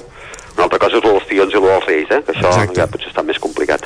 Mm, Per, permetem que em marqui una mica, eh, de tota manera, tot sí, això, sí. perquè jo crec que aquest, aquesta qüestió de, de, dels semiconductors i de, de, de fet de tot el que es podria anomenar aprovisionaments, eh? Correcte. eh, està, mm, està mostrant, diguem-ne, que, que aquest vell debat que hi ha hagut entre, eh, entre partidaris i detractors de la globalització, diguem-ne, doncs eh, ara, ara no, sem sembla hi havia, sem això era com els apocaliptis integrats, eh? que hi havia un cúmul de gent que, que estava molt a favor de, de com estava evolucionant el sistema i gent que hi estava molt en contra. Sembla que amb això de la pandèmia eh, aquestes posicions han anat a confluint, no? Han anat confluint perquè sí que s'han sí que el que ha posat de manifest és que hi havia un seguit de, de, de disfuncions, eh? Uh, el, el, sis- diguem-ne que la globalització mm, no es pot negar que ha contribuït a aproximar a uns estàndards de vida més dignes eh, proporcions importants eh? de, de població eh, de, això que es deia el tercer món, eh? els països en vies de desenvolupament, Sí. però també hem vist com les desigualtats s'incrementaven molt eh, en, el, en el que es, fins, Exageradament, sí. es, es, pens- es parlava com a, com a països avançats. No? Eh, aquí hi ha hagut molts aplaudiments, moltes crítiques, però eh, ara crec la percepció és que tot això arriba, arriba a una cruïlla, eh? la globalització ha arribat a una cruïlla perquè, de fet, eh, diguem-ne que ha quedat com despullat? Eh, despullades aquestes disfuncions i mm, o li cal una reforma profunda o bé això que en termes parlamentaris en diuen esmena a la totalitat. Mm, clar, sobre, sobre si la globalització mm, si de, sobre si de la globalització no ha sortit un model més just o un motor de, de les desigualtats, eh? eh això, diguem-ne, moltes vegades està marcat per un viatge ideològic, de manera que ara tampoc entrarem gaire eh, a analitzar això, sinó més aviat en, en quina situació estem, no? Sí. Um, en aquests últims mesos, efectivament, ha estat freqüent sentir a parlar de línies de producció aturades, de greus problemes de subministrament per les dificultats del transport internacional de mercaderies, De xips, que no hi ha xips. perquè no hi ha xips per, eh, per determinats productes dels que considerats de primera necessitat, A i B. Bueno, Un cotxe. De fet, el cotxe, de fet, els ordinadors, eh? Sí, Vull dir, sí. eh, el, el, el creixement del teletreball, per exemple, eh, o, o, o, o de les, o de les mateixes estades a casa, eh? han, han generat una gran necessitat de- de- de- d'aquests electrodomèstics eh, que van amb xips, hi ha molta demanda de xips i el que, com que hi ha pocs països que en produeixen, d'això estàvem parlant, eh? per, això, per, això, per això parlem de la globalització, eh? Aquest, sí. aquesta mena d'especialització productiva, eh? eh, eh, el tercer món o en els països en vies de desenvolupament, sobretot a l'Àsia, eh, hi ha hagut una gran eclosió industrial, mentre suposadament aquí es quedaven els, les ments pensants. No, bueno, eh, no, no, no està clar si que hagi sigut així, però... Um, no sé si recordem, a principis de segle, eh, jo diria, a Catalunya hi havia eh, la paraula de moda era deslocalització. Eh? Hi havia grans empreses industrials que s'havien implantat a Catalunya atretes per unes perspectives de model salarial més avantatjosos que en els països d'origen, però sí. en un moment donat eh, es va veure que aquest model eh, trontorava uh -huh. perquè sempre hi ha gent disposada a cobrar menys eh, que, que un mateix, és a dir, arribes a un límit i encara Sembla hi ha algú... mentida, eh? Sem- Sembla mentida, però això és el que ha passat, perquè, perquè la Xina, efectivament, llavors érem llavors érem Bàsicament perquè nosaltres tenim una necessitat vital de, de poder fer activitat, no? Suposo. Sí, sí, eh, eh, tot, totes aqu- aquestes coses, eh, a la Xina hi ha molta gent, hi ha molta gent que, molta gent que està emigrant del camp a la ciutat, etc. La qüestió és que va passar que com que hi havia gent disposada a treballar cobrar menys, co cobrant menys i, i el, el factor competitiu que tenia eh, Catalunya en aquells moments, en els moments en què van venir aquelles multinacionals era que era una força salarial era una força laboral amb menys cost salarial doncs eh, si no els hi ofereixes un altre avantatge i només és el, el preu de, de, de la mà d'obra doncs eh, això, mm, no estàs, estàs competint amb, amb, amb, amb poques armes no, diguem-ne sí. eh, i també es va produir que hi havia una incompareixença del teixit, del teixit industrial autòcton. Eh? Uh, mm, hi havia bastantes multinacionals i poca gran indústria, diguem-ne, catalana, eh, en aquest cas. Sí. I les multinacionals, quan arriben, de la mateixa manera que arriben, doncs se'n van. Uh, I això és el que va passar, no?, un teixit industrial um, que finalment es va acabar convertint en més aviat acopladors de mm, components que es feien fora, no? Això és el que... Cadena de, cadena de muntatge, per entendre's. Sí, per exemple, és el que està passant a SEAT, eh? Uh, allà s'hi acoplen cotxes, sí. uh, clar, els components venen de fora i si no t'arriben components, les línies de producció doncs estan aturades, no? Sí. Um, sobre el tema de la necessitat de reactivar el teixit industrial ja hi ha hagut eh, al- alguns intents, eh, s'han parlat de, de taules de reindustrialització, etc. no? Sí. Eh, però els resultats no, no han anat gaire més enllà de, de taules en les quals s'ha parlat més que s'ha executat, eh? hi ha hagut poca dotació pressupostària més i de fet els res- resultats no hi ha hagut manera d'auditar-los, eh? no hi ha hagut ningú que hagi explicat tots aquests recursos eh, a què s'han destinat. No? Tenim tendència, això, a crear taules, eh? Sí, és que el, el paper ho aguanta tot i sobretot si, si, si, si tens una taula, eh, diguem-ne, eh, això és el que passa, sí. Però mentrestant, mentre, mentre aquí hi havia totes aquestes reunions de taules de de desindustrialització anaven passant coses. Que això, eh, el que dèiem, eh, determinats components essencials per a algunes indústries s'havien concentrat, diríem que perillosament a l'Àsia. Uh, la pandèmia ja va fer un primer avís quan era impossible trobar eh, ho, ho recordem, eh, quan no trobàvem mascaretes per tota la població, quan no hi havia respiradors, guants, paper de vàter... no hi havia, quan no hi havia respiradors pels pacients més greus, eh, i aquesta dependència productiva eh, s'hi ha arribat per això que dèiem, eh, per gairebé diríem que per incompareixença. D'acord. No només a Catalunya, eh, també és, un, és una qüestió europea, eh. Del món occidental, sí. Sí, sembla que la indústria era, era bruta i tot això, no? com, com si no pogués ser neta, eh? podríem intentar contribuir a que fos neta, o si no, eh, si enviem la indústria a l'Àsia continuarà sent, continuarà sent tant o més bruta. No? Sí, això sí. Eh, eh, durant els últims mesos ha estat habitual parlar d'aquesta crisi dels semiconductors, eh? Aquesta crisi dels sem- semiconductors no és més que un símptoma, eh? un símptoma de tot el que estàvem explicant sobre el fenomen aquest de la globalització, si s'ha de revisar, si s'hi ha de fer una esmena. Uh, tenim això, eh? línies productives quan no fàbriques senceres aturades, la indústria de l'automoció, que està a més en plena cri- crisi per un canvi de model energètic, té ara un repte afegit d'ajustar-se a aquest, a aquest problema, a aquests problemes de subministrament. Aquest sistema també estava molt de moda eh? els, fin- els últims 90 parlar del just in time, sí. eh? que és un proveïment immediat, sense necessitat d'estocatge de primeres matèries, reduir a costos. Però, finalment, el que hem vist és que porta sobrecostos, eh? Vet aquí la paradoxa. Per què? Dependència, no? El gruix de semiconductors, que per dir-ho senzillament són xips, eh? Sí. Um, es, es produeixen bàsicament a l'Àsia i en particular a Taiwan i a Corea del Sud. També una part dels Estats Units, però bàsicament Aquests a l'Àsia. Sí, a Europa no. Eh? Uh, produir xips requereix tecnologia i capital humà, i això, després d'anys de deixadesa, doncs, Doncs no hi haurà. Sí, sí. hi haurà mm, ara s'està parlant molt de reactivar aquesta indústria aquí, però, però clar, costarà. Eh? Eh, els xips són de gran necessitat per, per el que dèiem, eh? la indústria de l'automoció, per equips informàtics, electrodomèstics, etc.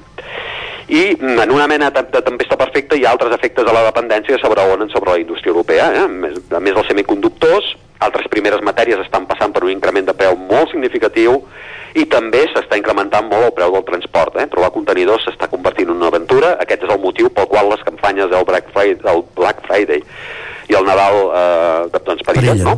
Clar, eh, si les joguines es produeixen totes a l'Àsia i no t'arriben contenidors, doncs eh, tindràs dificultats, perquè, clar, mm, una joguina no es fa d'avui per demà, eh, diguem-ne. Hi ha, hi ha un estudi que la patronal PIMEC, PIMEC va presentar la setmana passada que assenyala que les primeres matèries han tingut un increment a un preu de, a un, a un ritme del 4,7% en l'últim any. Això també ha passat en subministraments energètics, eh, com, com no recordar com estem amb el preu de la llum, Sí, aquests preus dels transports que s'han arribat a multiplicar per 7 eh? Mm, de l'estudi es desprèn que el 94% de les petites i mitjanes empreses catalanes han patit augments de preu significatiu en aprovisionaments, eh? en primeres matèries, productes semielaborats i a més a més l'impacte del transport. I això acaba pagant el consumidor, per l'hora. Clar, eh, diguem-ne que no és casual mm, que l'índex de preus de consum, eh, l'IPC, eh, hagi crescut al 4,4% a l'Estat, eh, segons la dada avançada que, que es va fer pública la setmana passada. Que, que hi ha molta influència del preu de la llum, eh, això, està, això és inqüestionable, però també eh, aquest increment de- d'algunes matèries bàsiques. Els salaris, els salaris no que pujaran, eh? Els salaris sembla que no pujaran en la mateixa mesura. Va, remateu que tenim un minut, perdona, Sí, està, està molt clar doncs, el, el, el que estàvem dient, eh, que eh, eh, cal que es reprodueixi una producció autòctona, això no és una qüestió que es faci d'un dia per l'altre, però convindria que eh, els governs de torn i els industrials de torn s'anessin arremangant perquè si no continuarem tenint aquests problemes s'aniran repetint periòdicament. Seria reinventar una mica la globalització, crear una globalització 2.0. Doncs amb, els deures, amb aquests deures eh, que els deixem sobre la taula acabem la secció d'avui. Moltíssimes gràcies, Joan Carles. Gràcies a vosaltres. Fins la setmana que ve. Doncs Joan Carles Arredondo, que ens ha acostat aquesta crisi dels semiconductors al territori 17. Fem una petita pausa i tornem a la recta final amb l'R3 i amb el racó de pensar avui també, com cada setmana, molt interessant. Fins ara mateix. El nou FM, la ràdio de casa, al 92.8. Cefusol, centre de formació de soldadura GURB. Som especialistes en processos de soldadura. Disposem d'instal·lacions totalment equipades per a classes de teòrica i pràctica amb cabines individuals i equipaments de seguretat. Assessorem empreses i oferim cursos subvencionats i bonificats. Vine i t'informarem. Cefusol, som al carrer Sant Roc número 21 de GURB. Telèfon 664 206 192. També ens trobaràs a cefusol.com i a YouTube. El racó de León. Gaudeix de la nostra terrassa. Vine a tastar les xuletilles de lechal a la brasa amb una bona amanida o el xuletón de vedella gallega. No et pots perdre el nostre lechado de Castilla al forn o el cochinillo a l'estil de Segovia. Tot acompanyat del millor celler, al menjador o fora la terrassa. Descobreix la millor cuina de Lleó sense moure't de casa. Vine amb la família, els amics, la parella o sol. T'encantarà. El racó de León, cuina tradicional lleonesa i de mercat. Som al carrer Torelló número 35 de Vic. Per reserves, telèfon 93 889 1950. El racó de León, una cuina diferent. Som especialistes en cargols a la llauna. Vine a tastar-los al racó de León. Diumenge 10 d'octubre, Ceba torna a ser l'epicentre dels bolets a Catalunya. 23a edició de la Festa del Bolet. Parades, tastets, exposicions i concursos. I si ets dels que els costa trobar-los, participa a la sortida guiada. La Simforosa posarà la música a la jornada amb la seva xaranga. El 10 d'octubre tens una cita amb els bolets a Ceba. Cobertes serveis funeraris. Els nostres tanatoris estan ubicats en els nuclis urbans més poblats de la comarca d'Osona per oferir un millor servei. Tanatori de Vic, Tanatori de Manlleu, Tanatori de Centelles i Tanatori de Roda de Ter. Sabem que són moments difícils i per això el nostre compromís és atendre-us en tot moment amb un tracte humà, sensible i respectuós. Cobertes serveis funeraris. Telèfon 24 hores 93 883 23 46. Cocodril Club. Si t'agrada la bona música dels anys 60, 70 i 80, escolta el 9 FM als matins de dissabtes i diumenges d'11 a 1. És el temps del Cocodril Club, tot un clàssic de la ràdio, amb les bases del pop-rock, les llegendes, les cançons que s'han convertit en autèntics himnes. Recorda, dissabtes i diumenges al matí, d'11 a 1, al 9 FM 92.8. Cocodril Club, el programa revival de l'Albert Malla. Hasta luego, cocodrilo. Anuncia't al 9FM. La màquina de casa. 9 3 8 8 9 4 9 4 9 Publicitat arroba al 9FM.cat. Anuncia't al 9FM. La publicitat més eficaç. El 9FM. El 9FM. El 9FM. Territori 17. A Tren d'Alba. Cada dia els usuaris de la línia R3 de Rodalies que veuen sortir el sol des d'un vagó ens expliquen les gràcies i les penes del primer comboi que uneix Ripoll i Barcelona. Benvinguts a Tren d'Alba. Avui tornarà a ser un altre dia caòtic a Renfe, un fet que ja no és novetat. De fet, des del compte de Twitter de la companyia ferroviària ja avisen que s'estan produint alteracions en la prestació dels serveis essencials decretats per la vaga convocada pel sindicat de maquinistes SEMAF a Rodalies i et diuen a la piulada que consultis les següents circulacions als monitors de l'estació. Una informació exhaustiva i acurada, tenint en compte que dos dels tres monitors de la fotografia estan buits i en un només hi apareix un tren. Bé, potser és que és l'únic tren que circula, ja que aquests dies els maquinistes també s'estan passant pel forro els serveis mínims. Aquest matí es deia que la quarta jornada de vaga començava amb 38 trens cancel·lats a Catalunya. Ahir se'n van cancel·lar 24 en les primeres hores. Per tant, hem anat a pitjor. I espereu, que ahir un tren de la línia R11 va xocar contra un arbre entre Massanet i Sils i va provocar retards afegits als de la vaga. Segur que ho van fer expressament. Avui s'estrena la crònica la Núria Francolí, que potser us sonarà el nom perquè és la germana de la Glòria Francolí. Per cert, no ens ha fet la crònica des del tren. Bon dia, aquí la Núria Francolí des de Barcelona. Avui hi volia anar amb tren, com sempre faig, però com que hi ha aquesta vaga que impedeix fer ús del transport públic de forma correcta, doncs he hagut de venir amb el meu cunyat amb cotxe. Ha sigut un trajecte molt agradable, realment, i no hem trobat cues exagerades per entrar a Barcelona, però jo prefereixo anar amb tren. Uh, des d'aquí reivindico un tren digne i de qualitat per tal de, de poder fer una mobilitat molt més sostenible. A veure si a la setmana que ve puc fer ja la crònica des del tren. Vinga, una abraçada. No pateixis, Núria, per la setmana vinent, que és festa i tot arribarà. De moment dir-te que has tingut sort amb el tema de les cues, perquè ahir n'hi havia moltíssimes. Va, ens retrobem demà amb més històries del tren i de la R3. Territori 17. El 9 FM, la veu de Sant Joan, Ona Codinenca, Ràdio Cardedeu, Territori 17.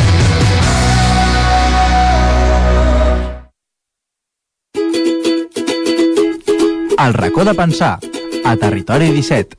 Doncs tot seguit saludem la Maria López al racó de pensar, avui parlant de la maternitat. Com es viu l'acceptació de la infertilitat? Tot seguit. Maria López, bon dia. Bon dia i benvinguts a, des de Cardedeu un dimarts més al racó de pensar.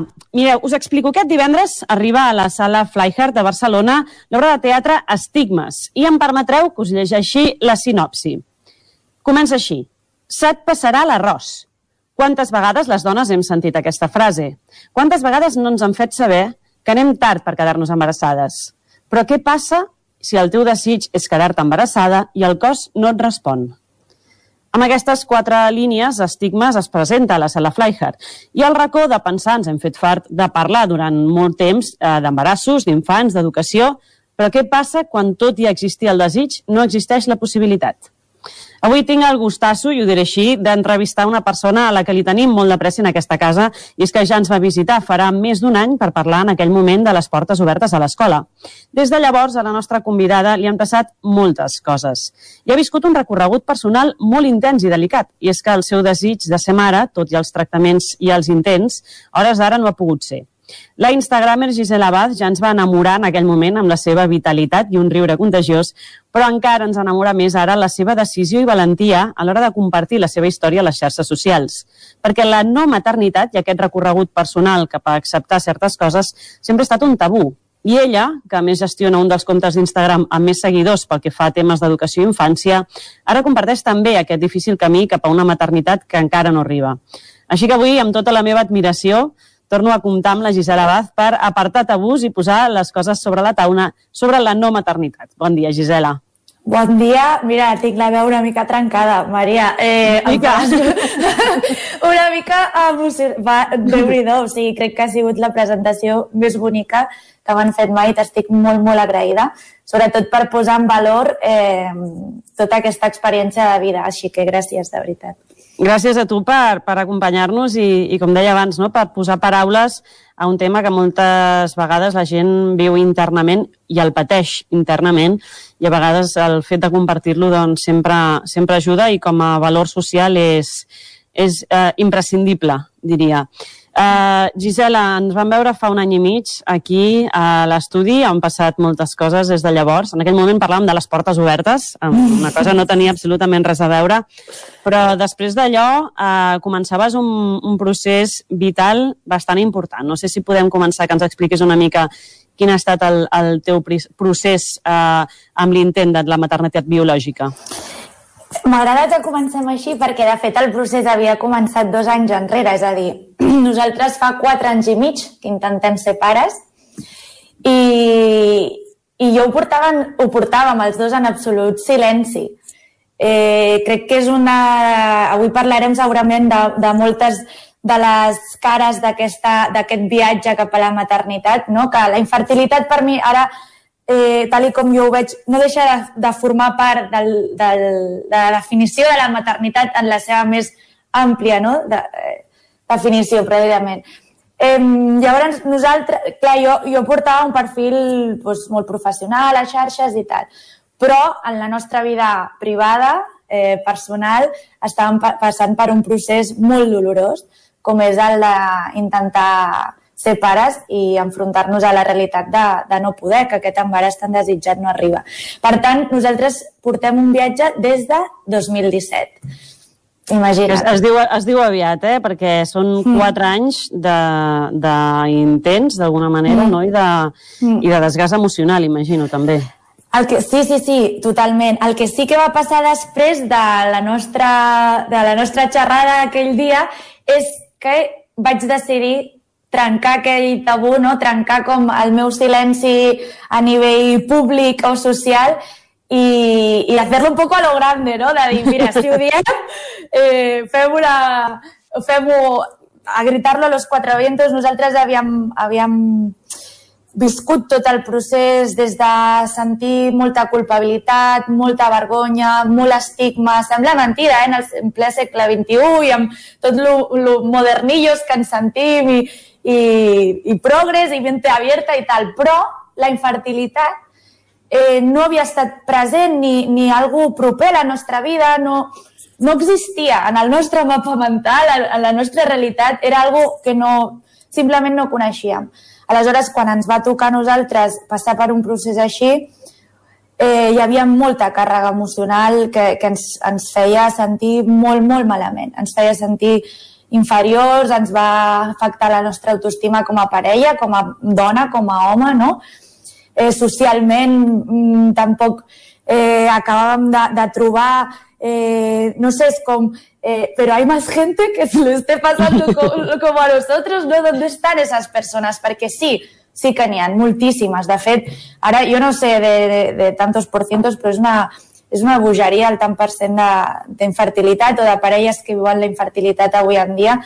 Eh, la infertilitat ara mateix és, una malaltia social, vull dir, és algo que, que no, no, no parlem, però que succeeix molt més del que ens pensem.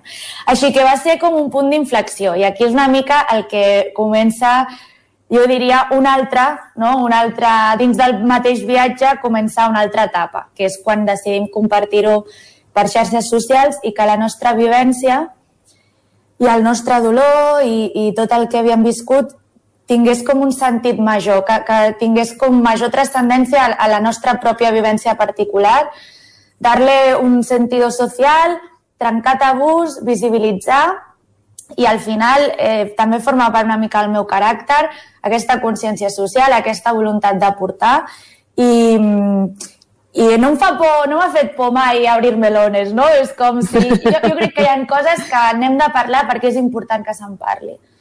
Per tant, mm, és algo que tinc a favor, que és que no em, fa, no em feia por. I ha sigut molt interessant. Uh, diguéssim que el, el 2020 és quan hi ha aquest canvi, quan decideixes d'alguna manera mm. explicar uh, un procés que, com deies, ja portava 3 anys. Fins aquell moment, i per aconseguir entendre una mica en quina situació es troba tota la gent que, que ho viu potser amb un patiment més intern, què és el que fa vergonya, per dir d'alguna manera, o el que fa por a l'hora de compartir aquesta és la meva situació? És que són moltes coses i també depèn del moment. Saps què passa? Que com que és un, és un procés llarg, i tan intens emocionalment i mentalment, tan esgotador. Eh, és un, un procés a més cíclic, perquè cada mes hi ha una il·lusió que mor amb una baixada de, de la regla, en el cas de les dones, no? Vull dir que al final és com estàs com molt, endi, molt un procés molt immersiu, estàs tu... Llavors, depèn del moment, Eh, hi ha èpoques que hem pogut compartir més, eh, per exemple, amb la família, amb algun amic íntim, però en general el que fa por és que no et sents amb forces ni per explicar el que t'està passant, eh, perquè després, com que tampoc no se'n parla, jo, jo mateixa recordo ni haver-m'ho plantejat com acompanyar una parella que està visquent alguna així, no? Segurament caeríem en tòpicos quan, com fa tothom, que és pues, tranquil, relaxeu-vos, i arribarà, eh, no sé... Eh... Sí, sembla que tots sabem molt de fer fills, eh, aquí. Sí, bueno, perquè, clar, perquè, perquè són tòpics i, i, i que s'han ido passant, no?, com de, de, pues això, un, popularment, no?, pues, ai, tothom coneix algú que llavors se'n va anar a vacances i se quedó, i aquestes historietes, no?, i normalment també perquè se'n parla sempre del, del, de los finales que acaben con un niño en brazos, no? que, que, que aquesta és una altra. Que hi ha moltes famílies que busquen un fill, no, no arriben a tenir-lo, però tampoc no, no es parla d'aquest possible final. Eh, doncs mira, ho van intentar, no es va poder i tenen una, una vida, són feliços, no? No, no entren dins d'aquesta història popularment coneguda. Llavors, caus sempre amb tòpics i, i al final sense voler et fan mal perquè tu el que necessites escoltar... Jo sempre dic que el que nosaltres ens ha anat millor aquests quatre anys ha sigut escoltar el retorn que sigui vaya putada. Perdó per la parolota, eh? però això és el que més et reconforta, sentir que l'altre t'entén. Més que, més que no falses esperances o, o allò... No, perquè ningú sap què passarà realment. I, la, i tenir, o sigui, l'optimisme no implica... Eh, eh, o sigui, eh, necessitem un optimisme real. És a dir, pot passar eh, i pot no passar. I estareu bé, passi el que passi. No? És com aquest missatge de con i sin hijos tu vas a estar bien. O sigui, confiem en tu, estarem amb tu, som al teu costat.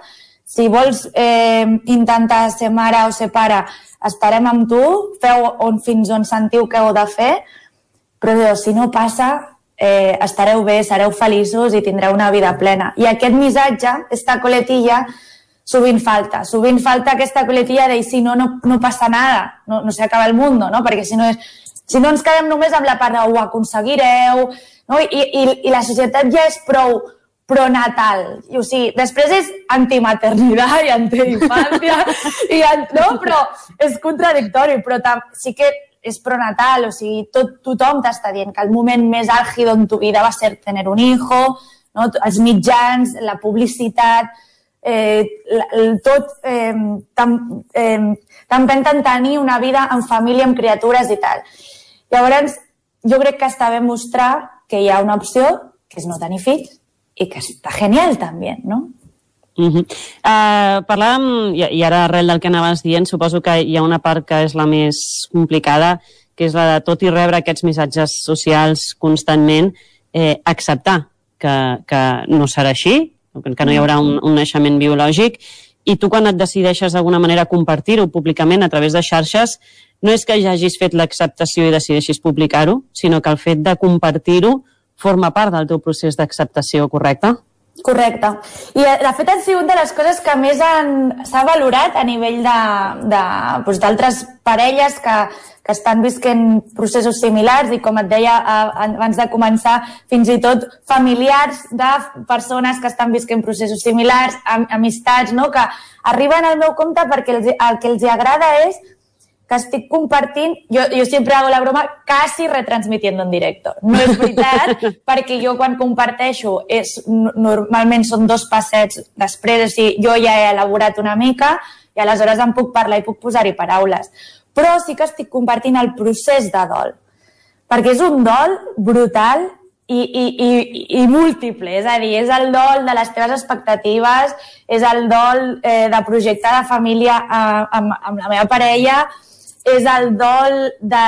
és un dol identitari, perquè no és el mateix, eh, vull aconseguir, jo sempre poso un exemple molt xorra, però vull aconseguir, eh, jo m'agradaria tenir un Ferrari, no? I de tant en tant veig un Ferrari pel carrer i, ostres, mira, aquest té el cotxe aquí. No, és que és soc mare o no soc mare és identitat. Soc filla, soc eh, dona, soc, no, i, i, i vull ser mare i no ho soc. Per tant, és un dol de qui soc, no? de, de reconfigurar una identitat que, a més a més, com a dona, eh, la funció reprodu reproductiva doncs, eh, està íntimament lligada no només orgànicament, sinó a nivell cultural, social, i hi ha tot un sistema de creences de que les dones eh, tard o d'hora serem mares. No? És com, esto, esto va a llegar en un moment. De fet, de fet a més, es, eh, sobretot a nivell educatiu, d'això havíem parlat amb alguna tertúlia a nivell de coeducació, que, que sense voler es traspassava la, la idea de que la culminació de la vida de la dona és amb la maternitat que això és una cosa que, que d'alguna manera és com ja donar per fet que això t'ha de fer feliç. I si arriba el moment i no et fa feliç, què? Saps? O i si la culminació, sembla que la culminació de la vida d'una dona no pugui estar en la feina o en altres coses, no? Llavors és com que tota la vida eh, hem sigut educades per arribar a aquell, a aquell fet, no? I si no passa, llavors què, no? Totalment, totalment. Jo havia escoltat tota la vida, eh, doncs això, eh, el, el, el, et senti, eh, bueno, com sentiràs, sabràs el que és l'amor de veritat quan siguis mare, no? És com... I llavors, clar, crees un fobo eh, que és com, que me estoy perdiendo? Vull dir, em que estar perdent el millor de la vida, no? I no m'ho vull perdre. Jo crec que hi ha tota una part molt a mi m'han preguntat molt, moltes vegades, creus que tens la, la maternitat idealitzada? I és veritat que el que és la criança amb criatures i no, vaja, seria un poco eh, innocent per part meva, després d'haver-me dedicat tants anys a la infància, eh, tan idealitzada aquesta part. Aquesta part, com més d'estar amb la criatura, no la tinc gens idealitzada. Això, la, però... la teníem idealitzada la resta. Exacte, o sigui, que no sabíem suerte, de què anava. Per suerte, esa parte no, eh, la infància i els infants, per les criatures per mi són meravelloses, però, eh, ojo. Sabies, sabies eh, on anaves, eh? Ja, però la maternitat en si, o sigui, en el que jo em anava a convertir, en el fet de ser mare, jo a dia d'avui segueixo pensant que ho tinc idealitzat. És a dir, és com, eh, sí, com, a, com tenir aquest estatus de, de, de mare, no? Com, eh, sí, que, sí que considero que ho tinc idealitzat, però perquè és que eh, tot, pues això, el, a mi m'han dit tota la vida que era el camí directe a l'autorealització. I aquesta acceptació, suposo que és aquest dol que dèiem compartit eh, a xarxes. Exacte, fins a quin és el que punt deia, els... que hi ha una part de dol també molt important que no se'n parla, que és, ja no és si va passar o no, perquè això realment a dia d'avui en el nostre cas encara ni tan sols ho sabem, vull dir, podria passar, no? Eh, hi ha un dol que tampoc se'n parla gent, que és d'acceptar el que ja no ha passat. És a dir, jo ja no seré la mare innocent que hagués sigut, nunca veré un positiu o, un test positiu de sorpresa, no? En plan, ostres, mira, embarassada. Per suposat, no viuré un embaràs amb la innocència que tenia fa quatre anys i mig. Eh, la història ha canviat. I això a mi m'ha costat molt d'acceptar, de dir, és que aquest procés forma part de la nostra... Si al final som pares, aquest procés formarà part. I això també forma part d'un dol i forma part d'un camí d'acceptació brutal d'acceptar el que ens està passant. El fet de compartir-ho i la resposta de la gent, fins a quin punt a tu t'ha ajudat en el teu procés d'acceptació? A mi m'ha ajudat molt, però perquè a mi m'ajuda a posar-hi paraules, a mi m'ajuda a expressar... Soc una persona que eh, clar, jo sempre, per la meva professió, per, per, eh, per com jo entenc la vida, la meva experiència de vida ha d'estar en el centre, no? Vull dir, a mi m'agrada compartir, m'agrada comunicar, m'agrada expressar el que sento, Llavors, la xarxa simplement va ser una oportunitat de dir, ostres, tinc un altaveu. Més petit, més gran, és el que tinc. Tinc un altaveu amb el que puc compartir el que m'està passant, puc explicar i puc fer pedagogia, que és que al final eh, és com si, el que dèiem, si, que si al final si, fem, si, si, si generem tabú, si, si no trenquem eh, aquests discursos més populistes i, i no comencem a, a reeducar-nos i, i a aprendre entre totes, que jo estic aprenent també dins d'aquest procés. Doncs per mi és quasi, quasi és com una funció social que va intrínseca eh, amb, el que, amb la meva manera d'entendre la vida i sempre intento compartir i, i que la meva experiència, el, allò que m'ha tocat transitar, que pugui, no sé, com posar-ho al servei de la comunitat. És com jo entenc la vida, en general. I en aquest sentit estic bastant segura que moltíssima gent es deu haver sentit identificada amb el teu procés i mm. no sé si has tingut feedback per part de persones que t'hagin seguit. És una bogeria, és una bogeria, sí. centenars de missatges setmanalment, persones que arriben noves constantment al compte, eh, moltíssimes persones que, que directament agraeixen una vegada i una altra el fet de que jo pugui posar-hi paraules i fer-ho des d'aquest des d'aquesta vessant més pública, entre cometes, no? de, de, de que jo tinc molts, molts, molts seguidors que no tenen mm, eh, contacte de cap tipus amb infertilitat i en canvi els està servint moltíssim per empatitzar, per comprendre. Eh, de sobte algú m'escriu, ostres, uns amics ens van dir l'altre dia eh, que, que, pues, que els estava costant eh, quedar-se embarassada i tal, i de seguida he pensat en tu no? i en tot el que he après escoltant-te i per mi això és que és com, eh, com si tot el meu dolor, tot el meu patiment eh, pogués ser una mica útil. Parlant de la gent d'alguna manera de, de l'entorn no? i de la manera de, de viure ja no en primera persona perquè els hi passi un, un tema d'infertilitat, sinó perquè algú proper ho passi. Uh, fins a quin punt la gent t'ha respectat aquest dol necessari? És un dol que no s'entén, però uh, jo sé que, que moltes persones en processos d'infertilitat eh, connecten molt amb la ràbia, amb la incomprensió, no? amb, amb el fet de... Personalment, eh, jo no, no, no culpo a les persones concretament. O sigui, jo no és... Si algú m'ha dit... No, no puc... No podria, perquè jo crec que l'altre dia ho vaig dir per xarxes i, i, i uh, és el que et deia, que a vegades eh, costa també eh, fer activisme per xarxes socials perquè la pròpia xarxa, en aquest cas Instagram, és complicada per obrir diàlegs i generar debat. Eh, al final no és un foro en si mismo en què tothom pot parlar, no? Estic és complicat, però jo crec que no podem oblidar que eh, quan parlem d'un sistema de creences social venim d'un context que és un sistema que és capitalista i patriarcal. Per tant, la meva socialització com a nena, noia i dona està dins d'aquest context. I jo no contemplo que se separi la, la meva experiència de dona barra que intenta ser mare i es troba amb la infertilitat amb, amb la meva construcció social. Llavors, quan jo parlo d'aquesta incomprensió, d'aquest dol invisibilitzat completament, eh, d'un dol que no, no es valida, eh, no es legitima, jo sempre miro a nivell, o sigui, com si miro a, a nivell una mica més macro, no tan micro. Crec que aquestes persones actuen així perquè hi ha un sistema social que, en el que hem sigut socialitzats i socialitzades. L'altre dia li vaig dir a una amiga, a mi em sorprèn que a les sèries, nosaltres consumim molta sèrie, no veiem gaire la tele, però mirem sèrie. Però és igual, sèries, pel·lícules, mitjans. Es visibilitza molt més eh, la violència extrema, per exemple, no? eh, l'amor, eh, els abusos, el... que no pas la infertilitat. I a mi això em sorprèn. Llavors, què, què, què fa la gent? Fa el que pot. I normalment tira de, de pues això, de, de, de tòpicos i, i fan el que poden. Aleshores, per mi hi ha un tema d'educació. Abans has parlat de la coeducació, jo crec que és una de les claus, i de l'educació sexual.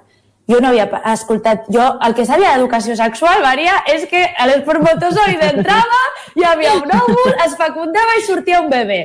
Això és el que jo sabia. Informació bàsica, eh, de primària. I, I després resulta que no és tan fàcil, no?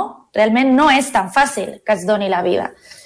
Llavors, després també hi ha una corrent eh, que arrastramos, judeocristiana, religiosa i tal, no? De esto es una bendición. Llavors, claro, eh, quan arriba... Que això està culturalment, de veritat, sembla mentida, però és que hi és.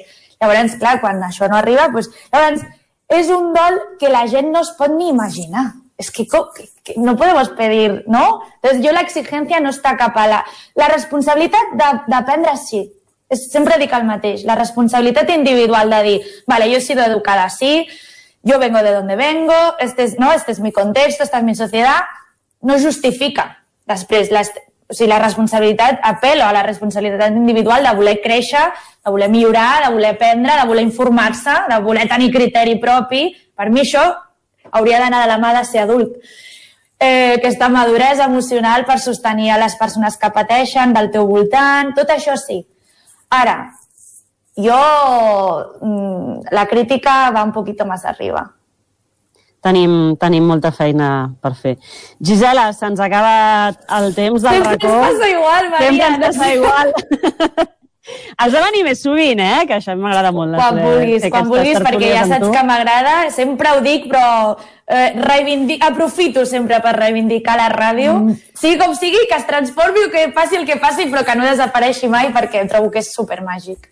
Gisela, jo et vull donar les gràcies molt especialment per compartir la teva història amb nosaltres i gràcies perquè crec que el que estàs fent a través de les xarxes socials, eh, a part del que et pugui aportar a tu i al teu procés, mm. crec que, com bé deies abans, segurament estarà ajudant a moltes altres persones que estan visquent un procés similar i que fins ara s'ha viscut d'una manera eh, molt més amagada. Així que moltíssimes gràcies. Gràcies a vosaltres, tant els que esteu a les xarxes com tu que m'has donat l'oportunitat d'estar aquí. Jo cada cop que puc parlar en veu alta per mi és terapèutic. Cada cop que narro la meva història hi ha algú que escolta, que al final és el que sovint necessitem, que hi hagi algú al costat que ens escolti, que hi sigui.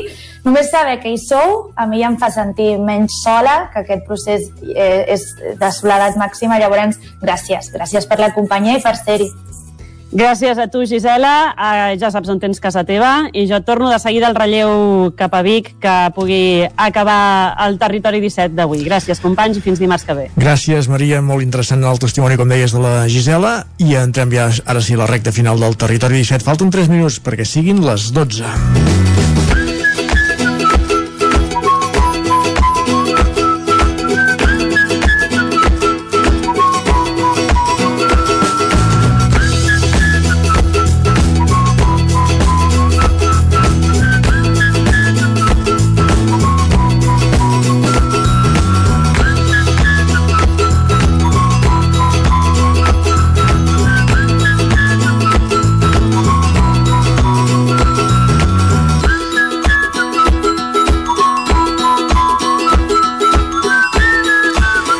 Hi tornarà al Territori 17, serà com, com cada dimecres, parlarem, entre altres coses, de literatura, la secció de, de llibres, parlarem també, farem repàs a l'agenda cultural que ens prepara, que ens espera pels propers dies. Tindrem molts continguts, serà demà a partir de les 9 del matí, perquè avui, com dèiem, ja arribem al final del programa i el que ens toca ara és dir eh, adeu-siau.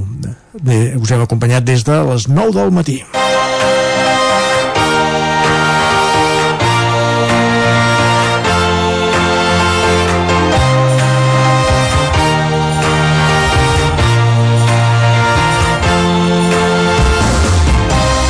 Fet contents d'estar al vostre costat Núria Lázaro, Caral Campàs, Isaac Muntades, Òscar Muñoz, Guillem Sánchez, Arnau Jomira, Víctor Palomar, Manel Dot, Joan Carles Arredondo, Maria López, Jordi Sunyer i Isaac Moreno. Com dèiem, hi tornem demà a les 9, que acabeu de passar molt bon dimarts. Adéu-siau.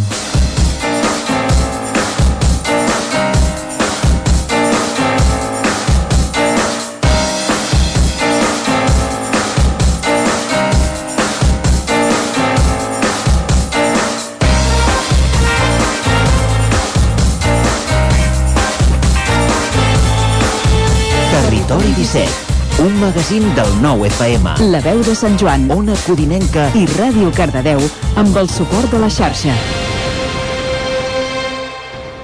El nou FM.